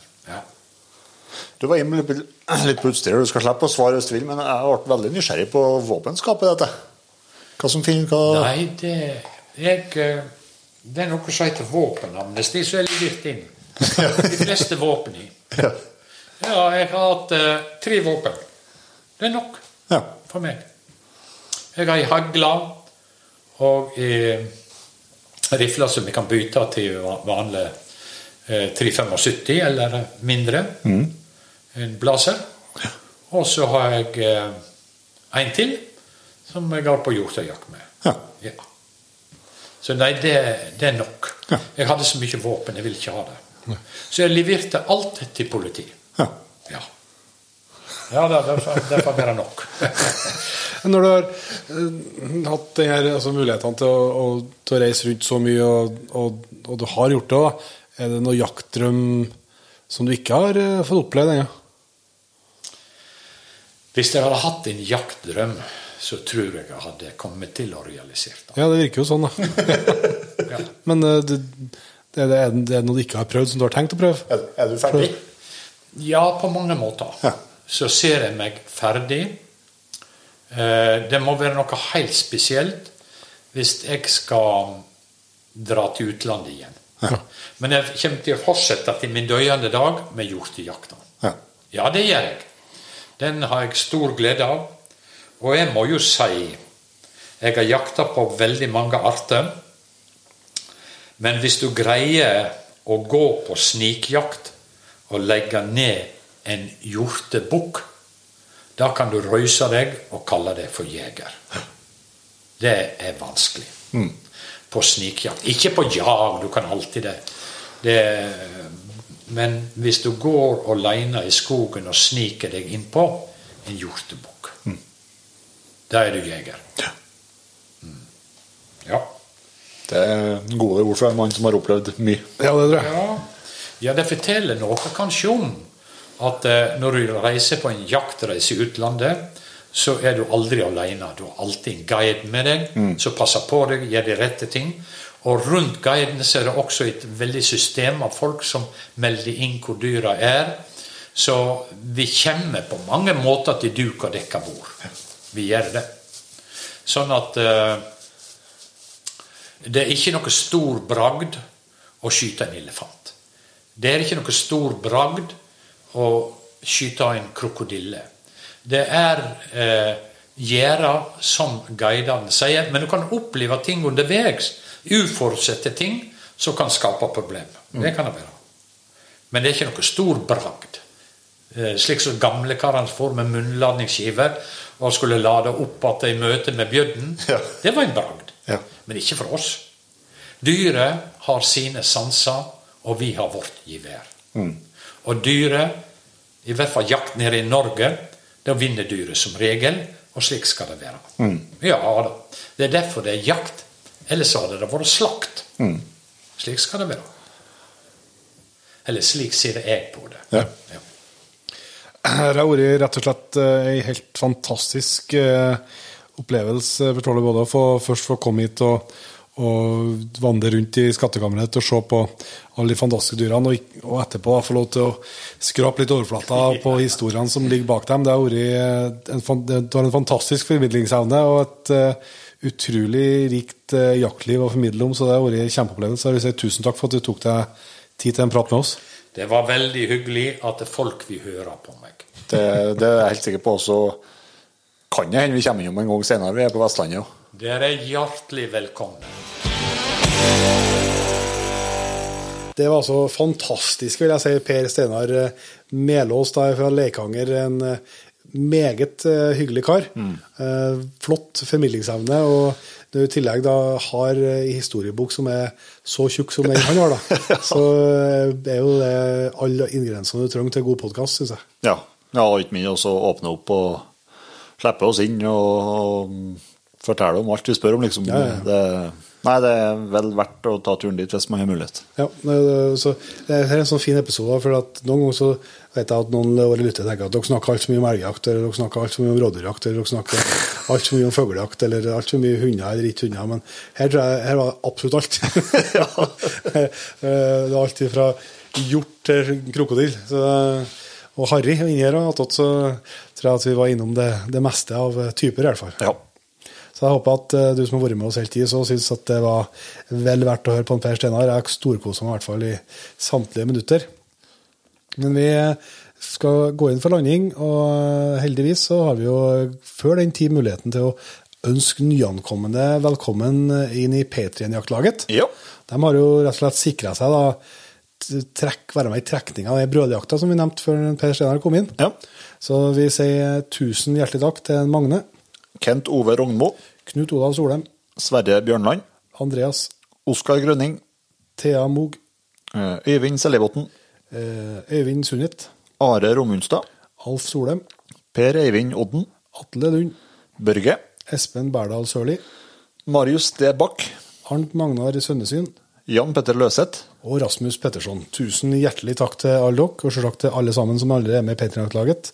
Du er hjertelig velkommen, du som hører på hvis du er hjemme. og Det er bare å klikke seg inn og registrere seg opp. sikkert.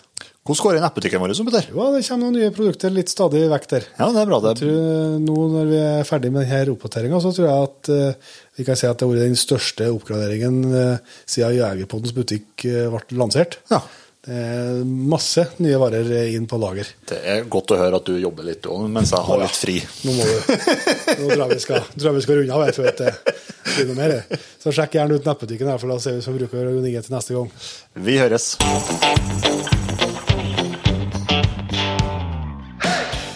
Tusen hjertelig takk for at du valgte å bruke litt av tida di på Jegerpodden.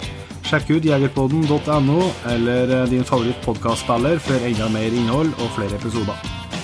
Følg også Jegerpodden på Facebook og Instagram, og ikke minst, husk å fortelle alle gode venner, familie og tilfeldige forbipasserende om Jegerpodden, sånn at vi får spredd det glade budskap videre.